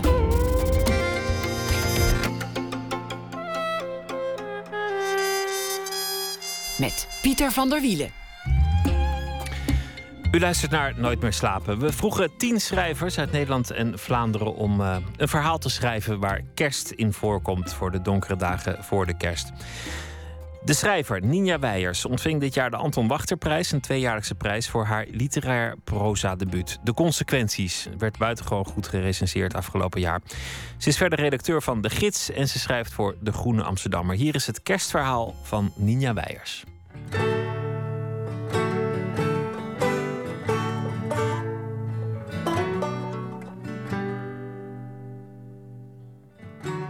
Jimmy. Jimmy had geld nodig. En daarom was hij bij zijn oom in dienst getreden als winterschilder. Hij was 23 en voor het eerst in zijn leven had hij zoiets als een plan voor de toekomst. Vanaf nu zou hij op een eerlijke manier aan zijn geld komen. Hij zou zijn schulden afbetalen en daarna zou hij zich aanmelden bij het leger. Het plan was hem aangereikt door zijn therapeut, een vrouw die hij meer respecteerde dan hij ooit zou toegeven en die eens in een droom aan hem was verschenen als de heilige maagd, met in haar schoot hemzelf, zacht en naakt als een pasgeboren baby. Sinds Jimmy het hoofd van de jongen had ingeslagen met een kettingslot, moest hij wekelijks bij haar langs. Ze gaf hem thee en keek naar hem alsof haar ogen uit potloden bestonden. Zijn kin, zijn neus, zijn mond, het litteken bij zijn bovenlip, alles tekende ze uit met die potloodogen. Het deed hem denken aan de ingelijste ansichtkaart boven de keukentafel van zijn grootmoeder. Een viezig bruin-geel doek met daarop de afdruk van Christus. Jimmy en zijn oom schilderden vooral muren, gevels en raamkozijnen van mensen met grote vrijstaande huizen in buitenwijken. Hele dagen werkten ze buiten in de kou. Koffie dronken ze in de pick-up en Jimmy's oom praatte over voetbal, Jennifer Lawrence en de vette kalkoen die zijn vriendin voor kerstmis zou klaarmaken. Op de ochtend voor kerst moesten ze een dak bijwerken. Een paar uurtjes lakken, zei Jimmy's oom, en dan konden ze naar huis. Ze huurden een personenlift met een zelfbestuurbare hydraulische arm. De lucht was grijs en ijzig, het waaide hard. Het was geen dag om buiten te zijn. Om niet te onderkoelen zouden ze elkaar afwisselen. Jimmy ging als eerste. Waarom bleef hij strak naar de grond kijken toen hij zichzelf omhoog takelde? Waarom zag hij zijn oom niet gebaren? Waarom hoorde hij hem niet roepen? Waar was hij met zijn hoofd toen zijn kruin de hoogspanningskabel raakte? Vijftien volle seconden werd Jimmy geëlectrocuteerd. Zijn lichaam lichtte op als een TL-buis en beneden kon zijn oom de geur van geroosterd mensenvlees ruiken. Met alle macht probeerde hij te denken aan het kinderke Jezus in zijn kribbe, aan wereldvrede, aan de borsten van Jennifer Lawrence. Ze hielden Jimmy in een kunstmatige coma. In rap tempo begonnen de cellen van zijn gezicht af te sterven.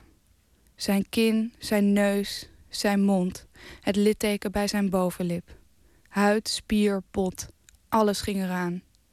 In een paar dagen tijd was zijn hele gezicht verdwenen.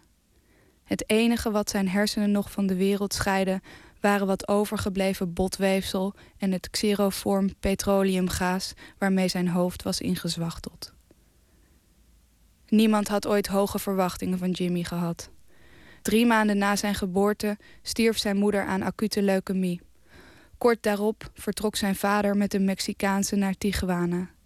Op zijn achtste jatte Jimmy de sigaretten van zijn grootmoeder, die hij oprookte bij het keukenraam als zij in haar fauteuil naar CBN zat te kijken.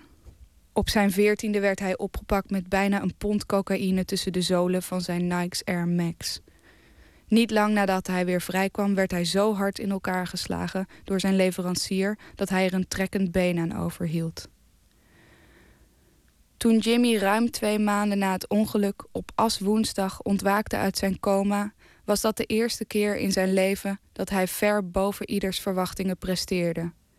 Hij kon niets zien en niets horen, niet ruiken, niet proeven, niet huilen. Hij voelde geen angst en geen agressie. Het was rustig in zijn hoofd, rustig en donker.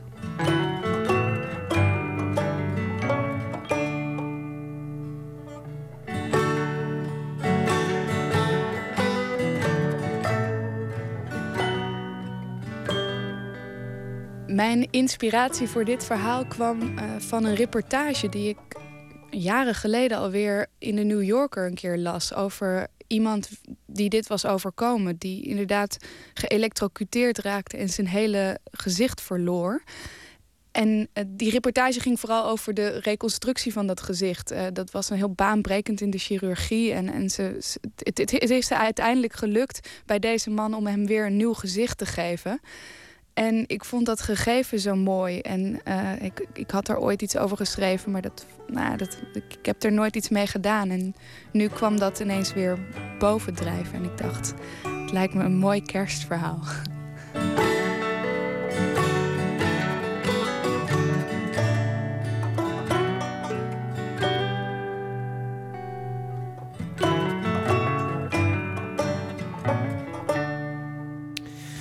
Ninja Weijers met haar eh, kerstverhaal dat eh, rustig na te lezen is voor eh, wie dat wil op vpro.nl/slash boeken. Alle kerstverhalen zullen daar uiteindelijk belanden. Morgen krijgt u weer een kerstverhaal en dat keer wordt dan het kerstverhaal van Yves Petrie. Afgelopen jaar maakte ook Henny Vrienden weer een eh, album. Hij is eh, de ex-zanger van Doe Maar, maar dat wist iedereen al. De plaat En Toch verscheen gek genoeg bij een hip-hop label, Top Notch, van eh, Kees de Koning. We gaan luisteren naar Het Gaat Niet Over.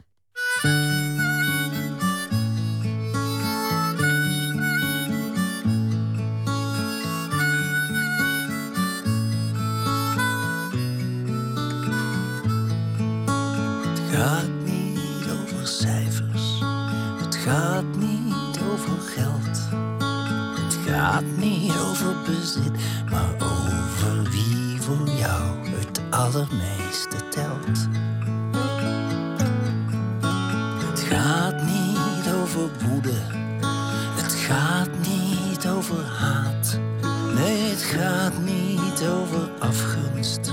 Het gaat om wie jou in je waarde laat. Gaat niet over leeftijd. Het gaat niet over lust. Het gaat niet over de mooiste. Het gaat om wie je het allerliefste kust.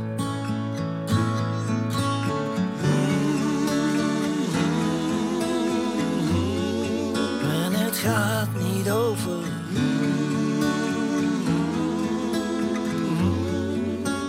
Gaat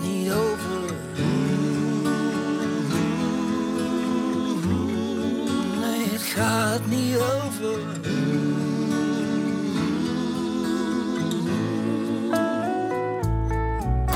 Het gaat niet over aanzien. Het gaat niet over roem. Het gaat niet over status, over wat jij voor een ander zou willen doen.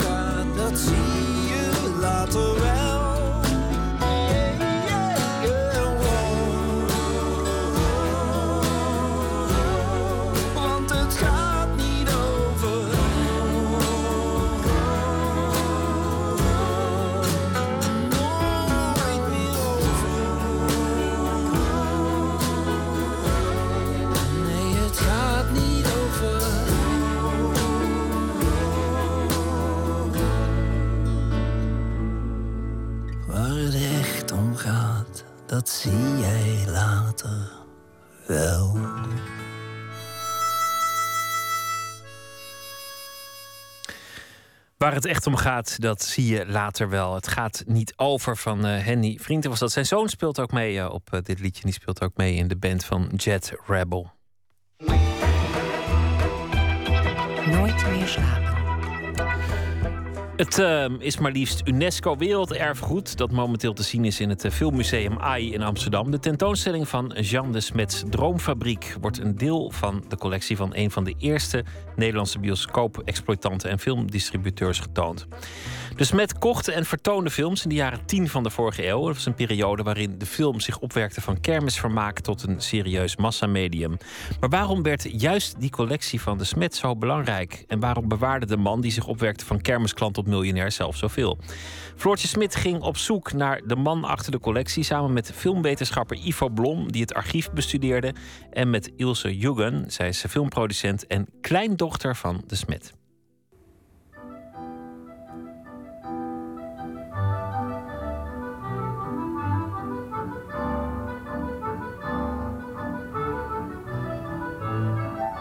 En self-made man, van uh, schoenlapper tot miljonair.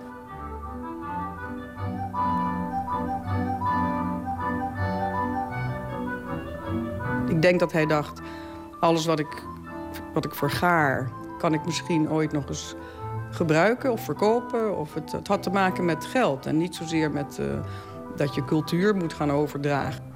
Desalniettemin groeide de omvangrijke collectie van Jean de Smet uit tot een van de paradepaardjes van het AI Filmmuseum. De tentoonstelling Jean de Smets Droomfabriek toont een deel van zijn collectie. Verzamelde hij nou echt alles? Ik geloof het wel.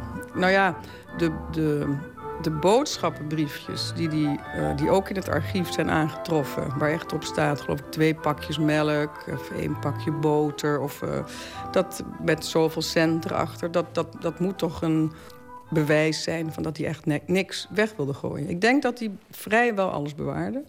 Um, en dat zou kunnen zijn door die achtergrond... door die waar die uit, uit het gezin waar die vandaan kwam. Echt een straatarm gezin uit België.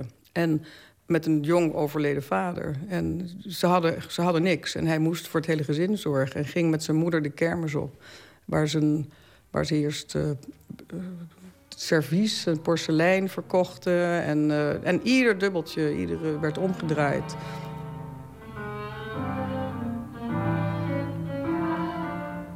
Hou me ten goede iets van rond de 930 films. Daarnaast is er echt een prachtige affichecollectie... waarin je echt heel mooi de ontwikkeling van grafische vormgeving in die jaren ziet.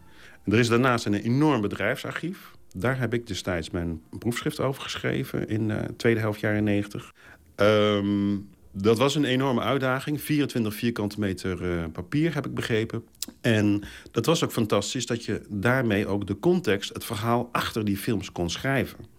En zowel het verhaal van de Smet zelf, maar vooral ook wat er op dat moment in die hele filmwereld gebeurt. En dat is echt een soort wereld in wording. Zoiets als filmdistributie moest uitgevonden worden eigenlijk in de tijd dat hij daarmee startte. Dus in die zin was hij absoluut een pionier. Dit klinkt allemaal heel mooi, maar dat maakt het natuurlijk nog geen werelderfgoed.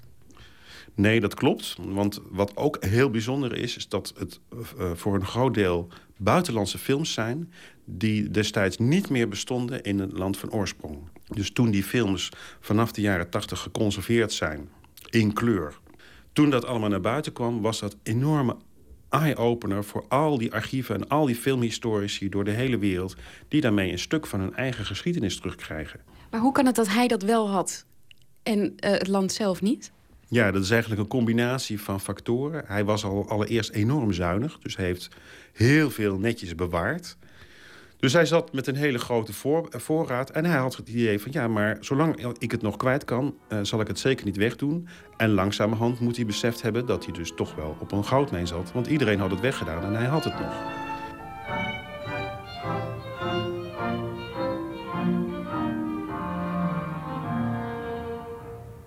Ik was drie toen, in, toen hij overleed. Uh, maar hij zat hij, was, hij zat altijd bij ons aan tafel. Zijn vrouw, zijn tweede vrouw, zijn eerste vrouw was overleden. Die woonde bij ons, dus mijn oma. Ehm, en die woonde, heeft altijd bij ons in huis gewoond. Dus die vertelde veel over hem en die had het veel over hem. En die vertelde zijn grapjes. Die vertelde hoe uh, stil die ook kon zijn en ernstig en streng. Maar heel zorgzame familieman. En ze vertelde dat bijvoorbeeld toen de Cinema Parisien openging in Amsterdam... de eerste was in Rotterdam, Cinema Parisien, kort daarop de Parisien in Amsterdam... En dat hij zo eager was om uh, open te gaan, dat de, verf nog nat was. En dat, ik weet niet of het waar is, maar in ieder geval zij heeft ervan gemaakt... dat mensen met de, de, verf aan hun kleren de bioscoop weer uitkwamen.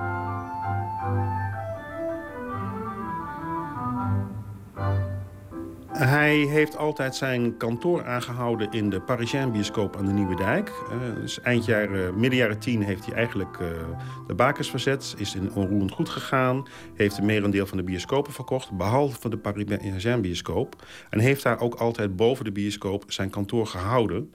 En daar ook altijd de spullen bewaard. En pas in 1938, toen er een brand is uitgebroken bij de Parisien bioscoop... en toch, ja, er is wat reclamemateriaal voor uh, te, uh, verloren gegaan. Maar gelukkig niet de filmloket-collectie. Die lag op een andere plek in het gebouw. Maar dat is een enorme mazzel geweest. Echt enorm. Want er zijn zoveel momenten geweest met die brand, maar ook eerder... Uh, momenten dat men bijvoorbeeld de korte films niet meer zag zitten... dat het allemaal verloren had kunnen gaan. En het geluk is ook dat hij eerst door zijn filmdistributie, maar vooral daarna ook in uh, zijn vastgoed, enorm rijk geworden is. Dus er is ook nooit een reden geweest om het materiaal weg te doen. In tegenstelling tot concurrenten die minder fortuinlijk waren en die het uh, of weggegooid of geveld hebben.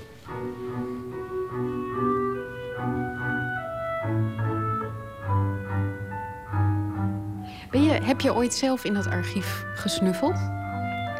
Ja, ik, uh, voor, ik heb ook bij het Filmmuseum gewerkt. En, uh, maar voordat ik daar kwam werken, heb ik er vrij veel tijd doorgebracht. En alles wat maar een beetje ontsloten werd, uh, werd ik door medewerkers getipt en kom kijken. En ja, nee, nee, ja, voortdurend was, ik, was, ik, was ik er wel bij. Ja.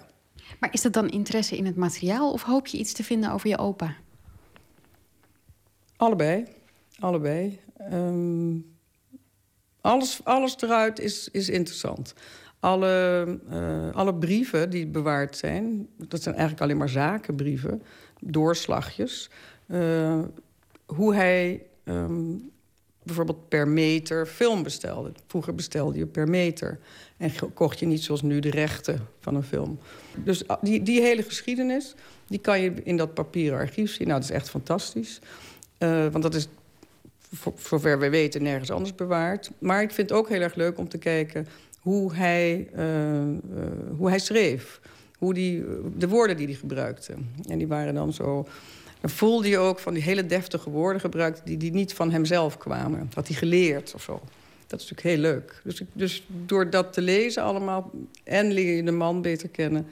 en leer je ook begrijpen hoe, dat, hoe die hele zakelijke situatie ging. Hoe die filmsituatie ging.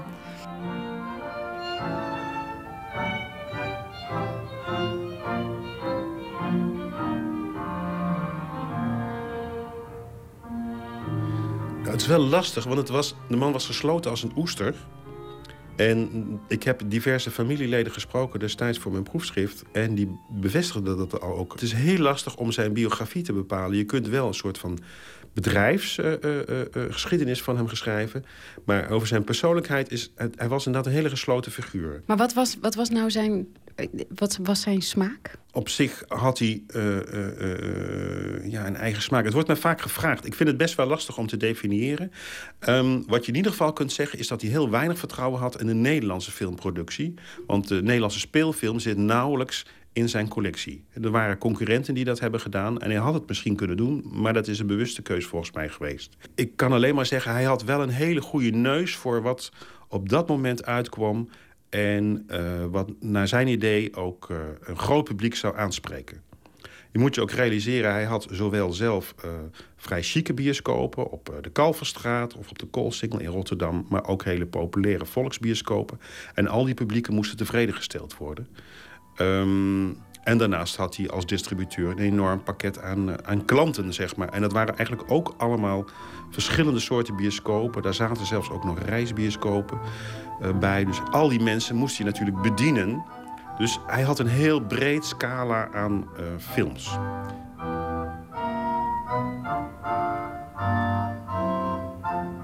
Wat vond je van de tentoonstelling? Ik vond hem fantastisch. Ik had er niets van gezien van tevoren. Ik, heb me, ik wilde me helemaal laten verrassen. Ik, zag, ik, ik kende natuurlijk veel van het materiaal um, wat er tentoongesteld werd. En ook de films. Maar heel veel dingen kende ik ook niet. Ik zag twee foto's van mijn grootvader die ik nog nooit had gezien. Dus het was, was, was geweldig.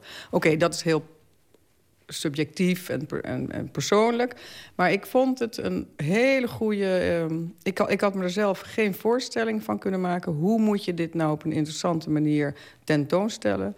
En ik vind dat... Uh, uh, AI daar heel erg goed in geslaagd is. Als je, meteen als je binnenkomt, loop je inderdaad een soort dromenland in.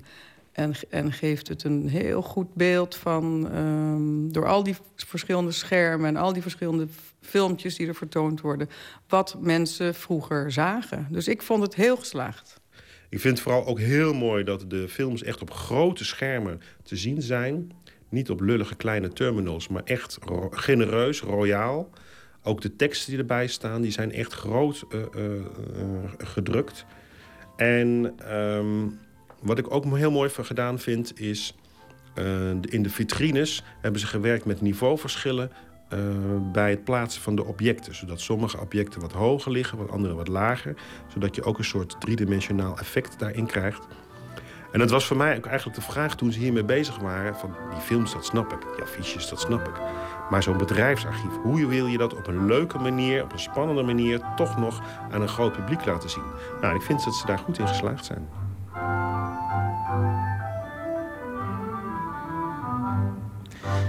Floortje Smit in gesprek met de kleindochter van Jean de Smet, Ilse Juggen, en met filmwetenschapper Ivo Blom. De tentoonstelling Jean de Smets Droomfabriek is nog te zien tot 12 april in Amsterdam in het Filmmuseum AI. Er is ook een boek verschenen waarin uh, Ivo Blom een hoofdstuk heeft geschreven. En het proefschrift Jean de Smet en de Early Dutch Film Trade is uh, op het internet uh, terug te vinden. Een van de mensen die het geluid van 2014 mede heeft bepaald was de 22-jarige Engelse zanger Sam Smith. Hij debuteerde met een album In the Lonely Hour. Een plaat vol met uh, heerlijke soul en liefdesverdriet. We gaan luisteren naar I'm Not the Only One.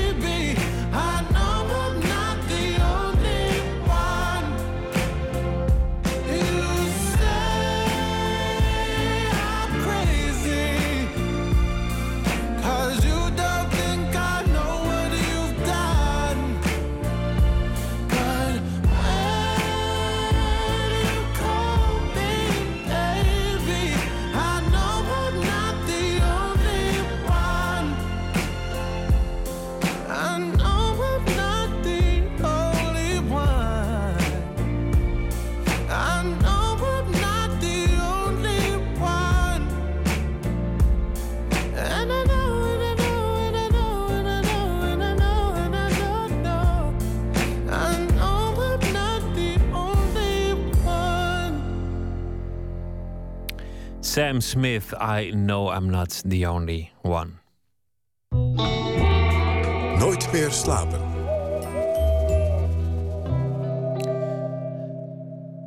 De Franse schrijver Michel Houellebecq heeft het eh, weer voor elkaar. Er is een rel rond zijn nieuwe boek en het boek is nog niet eens verschenen. Frankrijk krijgt in dat boek in 2022 zijn eerste islamitische president, Mohammed Ben Abbas. En dat is het begin van de islamisering van het land. De Sorbonne, de universiteit, wordt eh, aan een Arabisch land verkocht, bijvoorbeeld. Soumission is uh, de titel en 7 januari zal het uitkomen. En de grote lijnen zijn alvast uh, bekendgemaakt in de Franse media. Maarten Westerveen is onze nachtcorrespondent. Goedenacht, uh, Maarten. Ja, goedenacht, Pieter. Ja, een, een boek van Wellebeck zonder rel, dat, dat kan haast niet. Nou ja, het vorige, het vorige boek, de, dat, dat, dat, dat, dat viel eigenlijk nog wel mee, maar waarschijnlijk beviel hem dat ook maar niet. Het is, weer, het, het, is al hevig losgebarsten.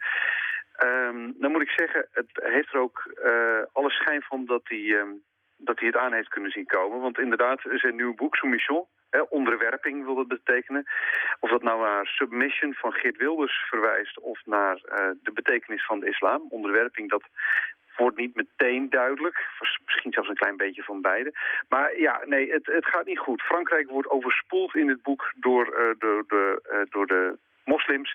En uh, de moslims krijgen het voor het zeggen. Uh, ja, het is, het is lastig helemaal te peilen natuurlijk wat daarmee bedoeld wordt. Dus ik heb de vertaler, de vaste vertaler van Welbeck gebeld, Martin de Haan. Ook een vriend van hem, ze spreken elkaar vaak. En uh, de Haan verbaasde dit eigenlijk allemaal heel erg weinig. Het gaat eigenlijk bij, elk boek van Welbeck op deze manier. Um, en in dit geval is het ook wel een beetje komisch... omdat nog niemand het boek echt gelezen heeft... behalve blijkbaar uh, die ene... Uh, wat was het, Livre Hebdo... die het uh, gelekt hebben. Dus iedereen praat dan de informatie na... die hij van, van andere bronnen krijgt... zonder te kunnen zien wat er nou eigenlijk aan de hand is. dus dan lijkt het een... ja, je kunt je afvragen, is het geregisseerd of is het opgeklopt? Dat, dat valt niet, niet goed te zeggen. In elk geval is het natuurlijk kenmerkend dat men er meteen opduikt en, en zegt, daar heb je Welbeck weer, de provocateur. Alleen, uh, ik zou denken van laten we eerst even het boek zelf afwachten. Dan kunnen we misschien er iets over zeggen, iets zinnigs. Ben jij er al mee bezig eigenlijk? Heb jij het al gekregen? Ik ben er mee bezig, ja. Maar ik heb een geheimhoudingsverklaring getekend. over de inhoud en ook over de titel. Maar de titel is al uitgelekt en een deel van de inhoud nu ook. Maar ik kan dus ook niet heel, heel veel details gaan geven over het boek nog, helaas. Maar we weten ongeveer wat Michel Houellebecq over uh, de islam denkt. Zo was hij ooit in een Franse talkshow te gast. En toen uh, werd hem gevraagd of hij moslims haten. En toen zei hij nee, dat, dat kan niet. Want dan moet je eerst respect hebben om te kunnen haten. En zelfs dat ontbreekt. Dus uh, ik, ik vind ze belachelijk. Maar ik heb, er, ik heb geen haat, want daarvoor ontbreekt dat respect. Dus dan weet je ongeveer in welke hoek die zit op het thema. Ja, hij, uh, hoe, hoe kwaadaardig hij dat bedoelt, dat, dat kom je dan ook weer niet te weten. Want Welbeck is een, een meester in om verwarring te zaaien. Dus een soort guerrilla-vechter in dat opzicht. Hij duikt op en hij is weer weg. Je bent francofiel trouwens. Uh, wat, nou ja, lust jij zijn werk? Nou, ik heb, ik heb veel boeken van hem gelezen. En um, hoewel ik het niet altijd even vrolijke, leuke boeken vindt. Het woord naar, naar geestig komt wel eens in je op. Zijn het wel boeken die je bijblijven? En, en dat ja. kenmerkt ook een goede schrijver. Ja, ja ik, ik, ik ben uh, eigenlijk erg dol op zijn werk. Uh, ik weet ook niet, komen nog terug op dat naargeestige. Martin de Haan in ieder geval, die, die weet niet of hij het er allemaal om te doen is. Hij vermoedt hem eigenlijk dat, hij, uh, dat het allemaal wat zuiverder is dan dat. Want ze hebben het er regelmatig over, ze spreken elkaar regelmatig. En hij, nou ja, hij, hij heeft nog wel vertrouwen in Michel Welbeck. Ja, daar hebben we het ook wel vaak over gehad. Want het is natuurlijk... Hij heeft een moeilijke relatie met de pers. Hij vindt vaak dat de pers gewoon uit is op, uh, op sensatie. En ik denk in zijn geval is dat ook vaak zo. Dus als je eenmaal een uh, imago hebt van een bad boy... Dan, uh, dan zal iedereen er ook op uit zijn om je op die manier te blijven neerzetten. Aan de andere, kant geeft hij daar ook voeding aan. Maar dat, ja, ik heb niet het idee dat hij uh, expres doet. Hij, hij, het is niet dat hij dat nou denkt van laat ik eens een relletje schoppen. Is er nou iets dat mensen eigenlijk fundamenteel verkeerd begrijpen aan Welbeck? Ja, in elk geval aan zijn boeken. Want mensen zien die boeken vaak als provocaties. Terwijl voor mijn gevoel zijn het, eh, is het belangrijk om het echt te lezen als romans. En romans die met, met personages die een eigen mening hebben... die niet per se de, de mening van de auteur is natuurlijk. En ook waarin, waarin een bepaald soort uh, dubbelzi- dubbelzinnigheid of meerduidigheid zit... Die, die niet wordt opgelost in het boek. Kortom, het is hem niet te doen om de provocatie, maar uiteindelijk gewoon om, om de literatuur, zegt de vertaler. Dat klinkt natuurlijk wel heel erg nobel. Ehm, en, en of dat nou helemaal zo is... iedereen die een beetje die schrijver volgt weet dat... Nou ja, dat, dat Welbeck moeilijk alleen als nobel te duiden is. Het heeft, hij le- leidt een raar leven, eh, is vaak eh, straalbezopen in interviews, eh, is bot. Ehm, hij heeft ook vaak vrij ongenuanceerde meningen. In dit gesprek met Martin de Haan, zijn vertaler, zegt hij ook... Ja, ik ben het ook vaak niet met hem eens. Heel vaak heeft, heeft wat ik ervan vind, is iets waar ik... eh, voorop moet passen als ik mijn werk doe. Maar eh, ja, hij vertrouwt hem wel dat hij een oprecht een schrijver is. En, eh, en, en eentje die gewoon oprecht geïnteresseerd is in de thema's die hij beschrijft. En ik moet eerlijk zeggen, dat vind ik zelf ook wel. Ik lees hem heel graag en mensen verwijten Welbeck altijd dat hij, dat hij cynisch is. Hè? Dat er, dat, naargeestig noem je het al. Als ik hem lees, eh, ik hoor lees altijd toch eigenlijk een, een ik lees altijd een gekwetste ziel. Iemand die eigenlijk heel verdrietig is. Een Maar dat, een, dat eh, gaat natuurlijk hand in hand. Hè? Dat, dat juist de, de meest verstokte romanticus raakt het meest verbitterd. En eh, andersom misschien ook wel weer eh, op een bepaalde manier. Mm, Verbitterd wel, maar cynisch, dat weet ik niet. Want cynisch, dan geef je het op. Terwijl ik bij Welbeck altijd het idee heb dat, dat hij eigen hoogt op beter. En, en Martin de Haan, nou ja, toen ik dit voorlegde, die, die was het wel met me eens. Het is ook vooral, in elementaire deeltjes heel duidelijk dat het een soort noodroep is van eh, de, het gaat slecht met de wereld en eh, er is te veel liefdeloosheid. Dus het is een, een soort noodkreet. eh, dat, dat is inderdaad behoorlijk romantisch. En cynisch vind ik het helemaal niet. Hij gebruikt soms cynische middelen om zijn, om zijn punt te maken, maar het is het tegendeel van cynisch lijkt mij. Maar in dit laatste boek, wat ik begrepen heb, ehm, noemt hij ook politieke partijen. Dus die, die nieuwe islamitische partij die vormt een coalitie met de UMP en de socialisten. En ja, dat lijkt natuurlijk weer een beetje koren op de molen van Le Pen. Dus, dus hij lijkt wel in te haken op het politieke debat in, in Frankrijk. Ja, nou ja, sterker nog, je zou uit deze woorden misschien zelfs op kunnen maken dat hij, het, dat hij dit punt echt meent. Dus dat, dat, Dat hij kant geen- kiest. Ja. dat hij kant kiest en of we dat fijn moeten vinden. Ja, dat, eh, dat is het eigenlijk niet. En ik vind het zelf ook wel ongemakkelijk eigenlijk als ik er nadenk. Terwijl tegelijkertijd, ja, als ik eh, zo'n schrijver volg en graag lees... heb ik hem dan niet ook nu dan inderdaad de ruimte gegeven om dit soort dingen te onderzoeken. Eh, ik heb het natuurlijk niet gelezen. Niemand nog niet, bijna niemand niet. En, en jij als francofiel die dus over eh, Fr- Frans genoeg leest om hem te kunnen lezen... je zal allemaal toch tot de 7 januari moeten wachten om, om hier eh, om erachter te komen. Ik ga het zeker lezen. En nou ja, één ding moet je hem nageven ook: dat hij naast boeken die je altijd bijblijven, ook altijd een enorm goed gevoel voor de tijdgeest heeft. Ja, en een zeker gevoel voor humor. Ehm, en het geeft ons journalisten natuurlijk gewoon altijd een excuus om het ergens over te hebben. Dankjewel, Maarten Westerveen. Graag gedaan. We gaan eh, luisteren naar muziek van Spencer Wiggins, een eh, zanger uit de deep soul traditie. Geweldige stem, nooit helemaal eh, doorgebroken. Een van de best bewaarde geheimen van de soulmuziek. Uit 1968, het nummer Once in a While.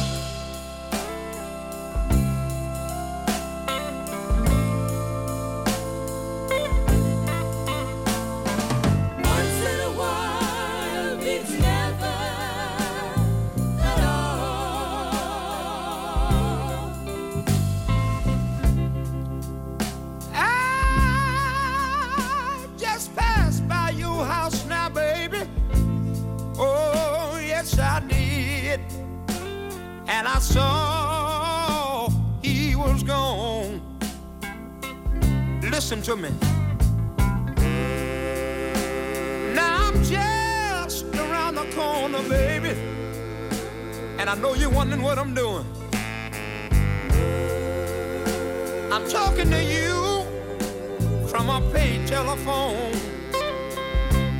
But here's what I want you to do. Will you meet me tonight? just outside of town.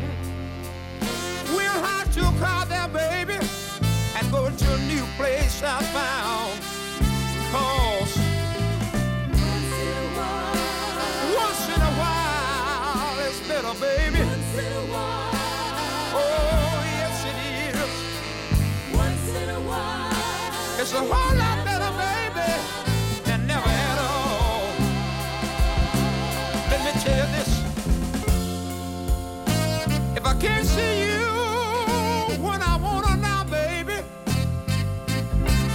then here's what I do. Then I'll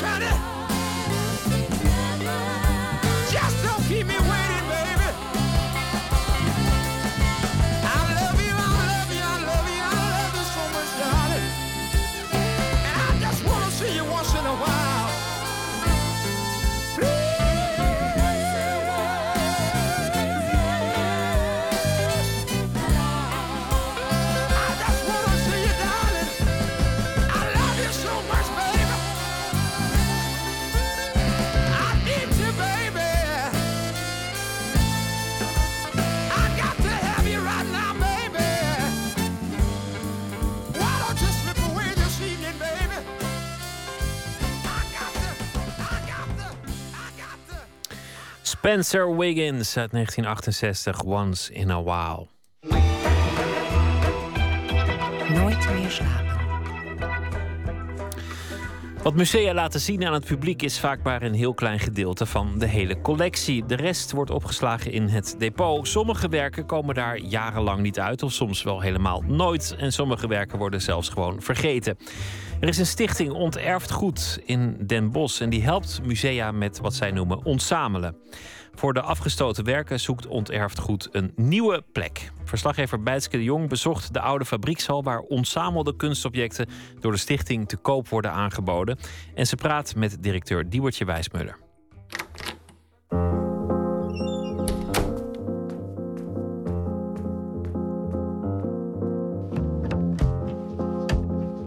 Eens mee naar de geschiedenis van dit hele verzamelen. Want waarom staan die depots eigenlijk zo vol? Waarom zijn we zo aan het verzamelen geslagen? Ja, verzamelen is iets heel psychologisch. Ik heb er meerdere dingen over gelezen. De een eh, die roept eh, eh, dat het is om jezelf houvast te geven, omdat je bang bent te vergeten. Maar de musea zijn ooit ontstaan uit wonderkamers. Dus de rijke kooplui die uit Indonesië, Afrika, en de Amerika's bijzondere dingen meenamen om te laten zien aan hun vrienden. En die kamers werden zo vol. Er kwam kunst bij. eh, ehm, die mensen gingen dood. En dan, werd er gezegd: Nou, ik heb hier geld en ik wil graag dat dat voor het publiek open gaat of blijft. Zo zijn de eerste musea gestart. Eh, eh, en daarna zijn, is er heel veel bijgekomen dat mensen ehm, schonken. Of ehm, nou ja, dat er verzameld werd op een apart gebied van een directeur. Want die had daar zijn interesses liggen. Terwijl het eigenlijk niet zo goed bij het museum past of bij de overheid. Maar goed, het is van die directeur geweest. Dus laten we vooral ehm, dat behouden. Waardoor er een wildgroei was. En ook bij schenkingen. Als je ehm één stuk van een schenking van 100 stuks heel interessant vindt... maar de schenker zegt, het is alles of niets... dan neem je het allemaal aan. Dus ehm, het is gegroeid en gegroeid en gegroeid... zonder dat er eigenlijk een selectie bij de deur was. Dat is er nu gelukkig wel. Maar dan zit je nog steeds met je depot wat gevuld is. Want ik kan u eh, vertellen dat er in Museaal Nederland 62 miljoen of 63 miljoen objecten zijn in de depots, waarvan maar 1% zichtbaar is. Dus 62 miljoen objecten zijn niet zichtbaar. En dat vind ik verkwisting van cultureel erfgoed. Ik vind dat dat zichtbaar moet zijn. Ik vind dat het voor iedereen moet zijn. Ik vind dat als het in een museum A staat, maar waar het eigenlijk niet past, maar museum B zou het een topstuk zijn, dan moet het naar museum B toe en niet bij museum A blijven staan.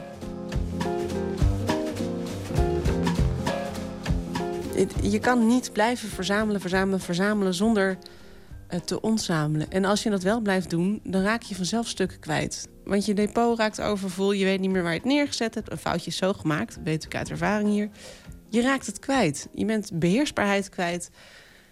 Um, dat is net zo slecht als... Of nee, dat is veel slechter dan wanneer je gewoon gericht keuzes durft te maken. En in ieder geval die objecten nog een daglicht laat zien... en het op een, aan een nieuwe eigenaar geeft. En dat is waar wij echt voor gaan. En we willen echt dat die depots leeg gaan... en dat er goed gekeken wordt naar wat er is en waarom heb je het. En zou je het moeten bewaren.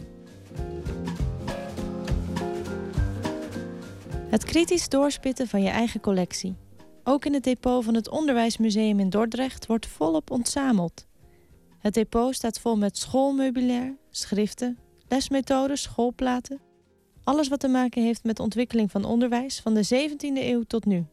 Directeur Thijs van Ruiten neemt me mee naar de plek in het depot waar een schifting plaatsvindt tussen bewaren en herbestemmen. Ja, en hier zie je dan ook pallet staan waarop staat ontzamelen. En dit is dus al uh, materiaal waarvan wij gezegd hebben: dit gaan wij niet bewaren. Wat, wat zit hier dan in al deze dozen waar ontzamelen op staat? Nou, zullen we eens een, uh, zullen we eens een doos pakken?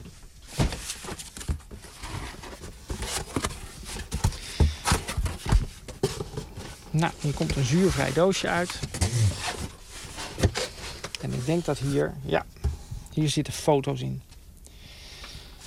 Dit zijn dubbele foto's uit de collectie van het ministerie van Onderwijs en Wetenschappen. Uh, daar hebben wij een gedeelte van het archief ooit van gehad. Die zijn helemaal uitgezocht. En dit is wat er dubbel is.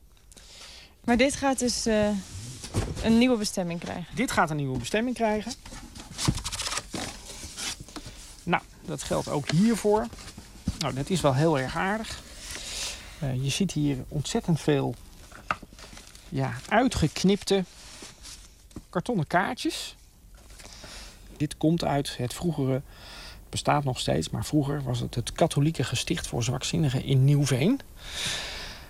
Die collectie is hier binnengekomen, want de zusters die dat gesticht runden, die hebben al hun leermiddelen zelf gemaakt. En dat hebben ze tientallen jaren gedaan. Uh, dat archief hebben wij daar ooit opgehaald. En dat bestond uit duizenden puzzeltjes. Zelf gemaakt, rekenpuzzeltjes, puzzeltjes uh, uit, uh, van opgeplakte uh, tijdschrift, foto's die dan verknipt waren en die die kinderen dan konden leggen. En daar hebben we uiteindelijk een keuze gemaakt. Uit verschillende perioden hebben we goede voorbeelden bewaard en de rest wordt afgestoten. En de vraag is hiervan: is dit interessant genoeg voor bijvoorbeeld onterfd goed? Uh, ik doe daar nu even geen uitspraak over, maar als je er zo naar kijkt, dan kan je je voorstellen. Nou, daar zitten niet heel veel mensen, denk ik, op te wachten. Dus dit zou zomaar uh, uiteindelijk geen nieuwe bestemming kunnen vinden. Ook erfgoed waar minder mensen op zitten te wachten, zoals dat zelfgemaakte onderwijsmateriaal, kunnen musea bij onterfd goed kwijt. Uh, loop eventjes hier omheen. Nou, om te laten zien dat we niet alleen maar de mooie dingen eruit pikken... maar ook de wat minder bruikbare dingen liggen hier... ik denk een stuk of twintig oude verfbranders. Die verfbranders die zijn nagenoeg niet verkoopbaar. Um, maar als we het traject doen, dan zorgen we er ook voor... dat dan alle probleem, problemen tussen aanhalingstekens weggehaald zijn... en dat dit hier uh, bij ons ligt. Wa waarom is dit ooit verzameld? Het was, um, het was het oude museum van Sikkens... en dat is altijd een schildersambachtmuseum geweest. Uh, en zij hadden zo'n uh, hechte uh, klantenkring... dat alle schilders die stopten met hun praktijk... gaven alles aan Sikkens. Dus dan krijg je 30.000 verfkwasten en tangen en spuiters en nou, noem maar op. Het wordt gewoon, en het werd allemaal ontvangen en allemaal op zolder gezet... En, allemaal met heel veel liefde beheerd en, en, en behouden. Maar dat is niet meer van deze tijd. Dus, ehm, Toch is het wel wat om als je een schenking krijgt te zeggen... nou, die wel, maar dat hoef ik allemaal niet. Ja, dat klopt. Maar mensen moeten ook wel zich realiseren dat je, als je iets schenkt, dat je daar ook iets. Nee, een probleem klinkt heel negatief, maar je, je, verlegt de, de verantwoordelijkheden van jouzelf aan degene die die schenking ontvangt. En die moet er wel goed voor kunnen zorgen. En, en een reden hebben om ervoor willen zorgen. En als dat bij 9 van de 10 niet zo is, dan kan je maar beter aan het begin eerlijk zijn dan dat je het via de achterdeur weer ergens uh, doet verdwijnen. Wat doen jullie dan met die werken waar niemand op zit te wachten? Nou, daar willen we nieuwe dingen van gaan maken. Daar nodigen designers of andere kunstenaars voor uit om hier rond te komen kijken en te zien of zij er nog iets bruikbaars van kunnen maken. Het liefst functioneel. Um, zoals de tafel die hier staat verderop, met, gemaakt van ponsplaatjes. Dat is een tafel ja, gemaakt door een kunstenaar wiens naam ik natuurlijk nu niet weet. Um, we hadden heel veel ponsplaatjes. Dat zijn van die um, hoe noem je dat? In het ziekenhuis had je dat vroeger. Dat je, dat je adres erop stond, dat er zo rats rats overheen ging. En dan stond je adres op een kaart. En die hadden wij hier van metaal. Ik, ik weet echt niet van waar ze vandaan kwamen. Maar het waren er een stuk of 4000. En deze man die is ermee aan de slag gegaan. En die heeft er letterlijk een tafel van gemaakt. Dus um, wel met een metalen uh, onderstel. Maar alles is beplakt met ponsplaatjes. Waar dus ook nog gewoon op te zien is welke adressen het waren. En uh, het, is, het, het is een prachtig mooi ding geworden. En zo hopen we gewoon dat er veel meer mensen komen die er iets in zien nog. En die tafel is te koop? Die tafel is te koop. En met de kunstwerken willen we eigenlijk hetzelfde gaan doen, alleen daar moet de kunstenaar toestemming voor geven. Dus uh, in dat trek zitten we nog niet. Dat gaan we volgend jaar augustus gaan we daarmee beginnen. Alle kunstenaars benaderen met de vraag of ze mee willen werken. Als ze niet mee willen werken, dan kunnen ze het kunstwerk terugkrijgen voor gereduceerd tarief.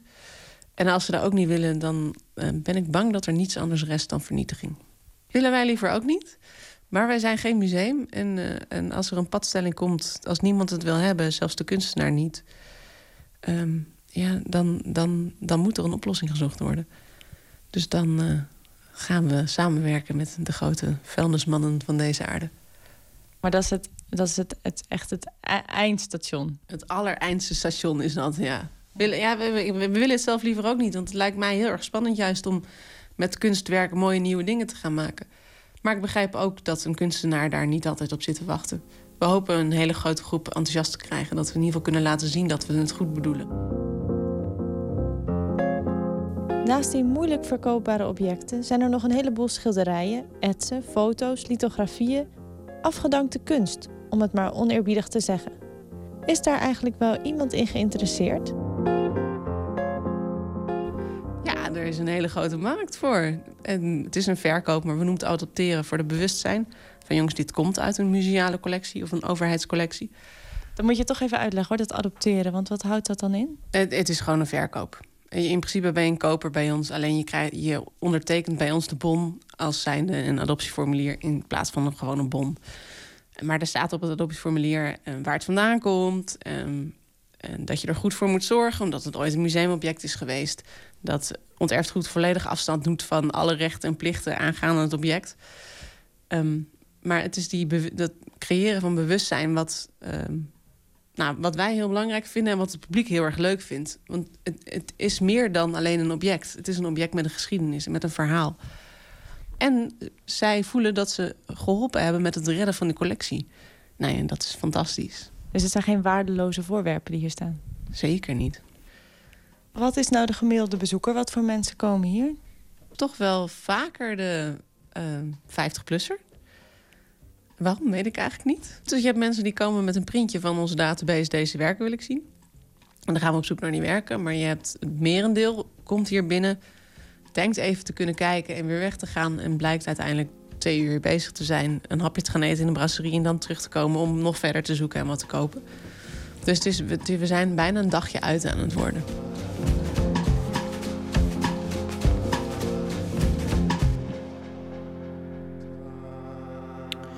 Diewertje Wijsmudder, directeur van Stichting Onterfd Goed... over de reusachtige collectie kunstobjecten opgeslagen in Den Bosch. En uh, voor verkoop beschikbaar. Een bijdrage van eh Bijtske de Jong was dat. John Grant, een Britse zanger, werd uitgenodigd door de BBC om een speciaal optreden te doen samen met het eh, orkest, het BBC Philharmonic. Het resultaat daarvan is eh, inmiddels uitgebracht. En van dat album draaien wij Queen of Denmark.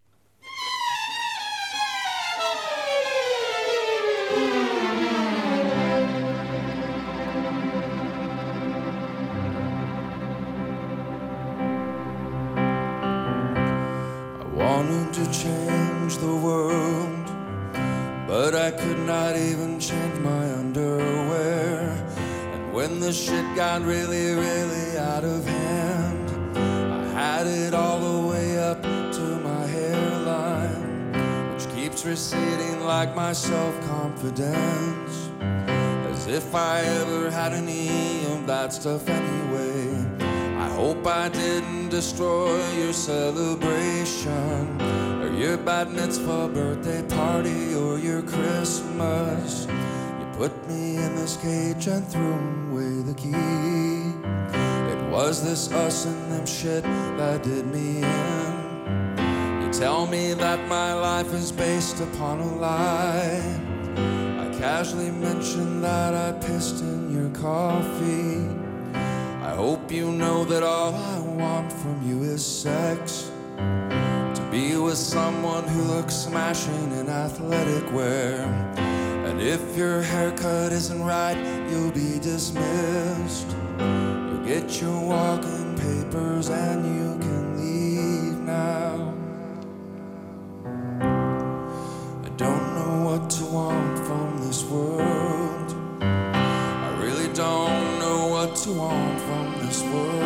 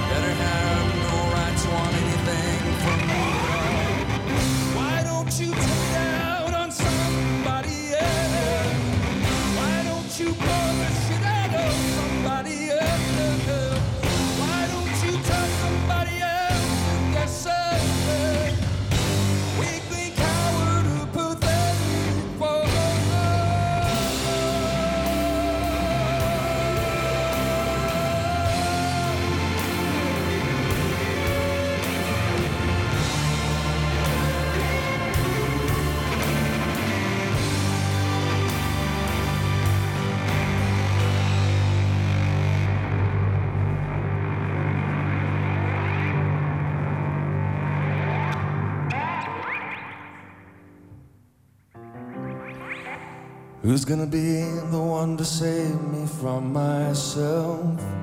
You better bring your stun gun and perhaps a crowbar. You better pack a lunch and get up really early. And you should probably get down on your knees and pray. It's really fun to look embarrassed all the time. Like you could never cut the mustard with the big boys. I really don't know who the fuck you think you are. I please see your license and your registration? Queen of Denmark was dat van eh, John Grant en het BBC Philharmonic. Met het. eh, nou ja, zo zijn we het einde gekomen van deze aflevering van Nooit meer slapen. Morgennacht dan eh, zijn we er weer na 12. Ik wens u nog een hele goede nacht. en morgen een hele leuke dag. En eh, hopelijk luistert u morgen na middernacht weer. Twitter, VPRO NMS of via de mail nooit meer slapen, VPRO.nl. Straks kunt u luisteren naar eh, Francisco van Jolen met De Nacht van Jolen. In gesprek met journalisten Francisco Stoter van. eh, nou ben ik de naam even kwijt. Een, eh, een, lange naam, buitengewoon interessante gast. En eh, die komt praten met Francisco van Jolen over tal van belangwekkende zaken. Ik wens u nog een hele goede nacht.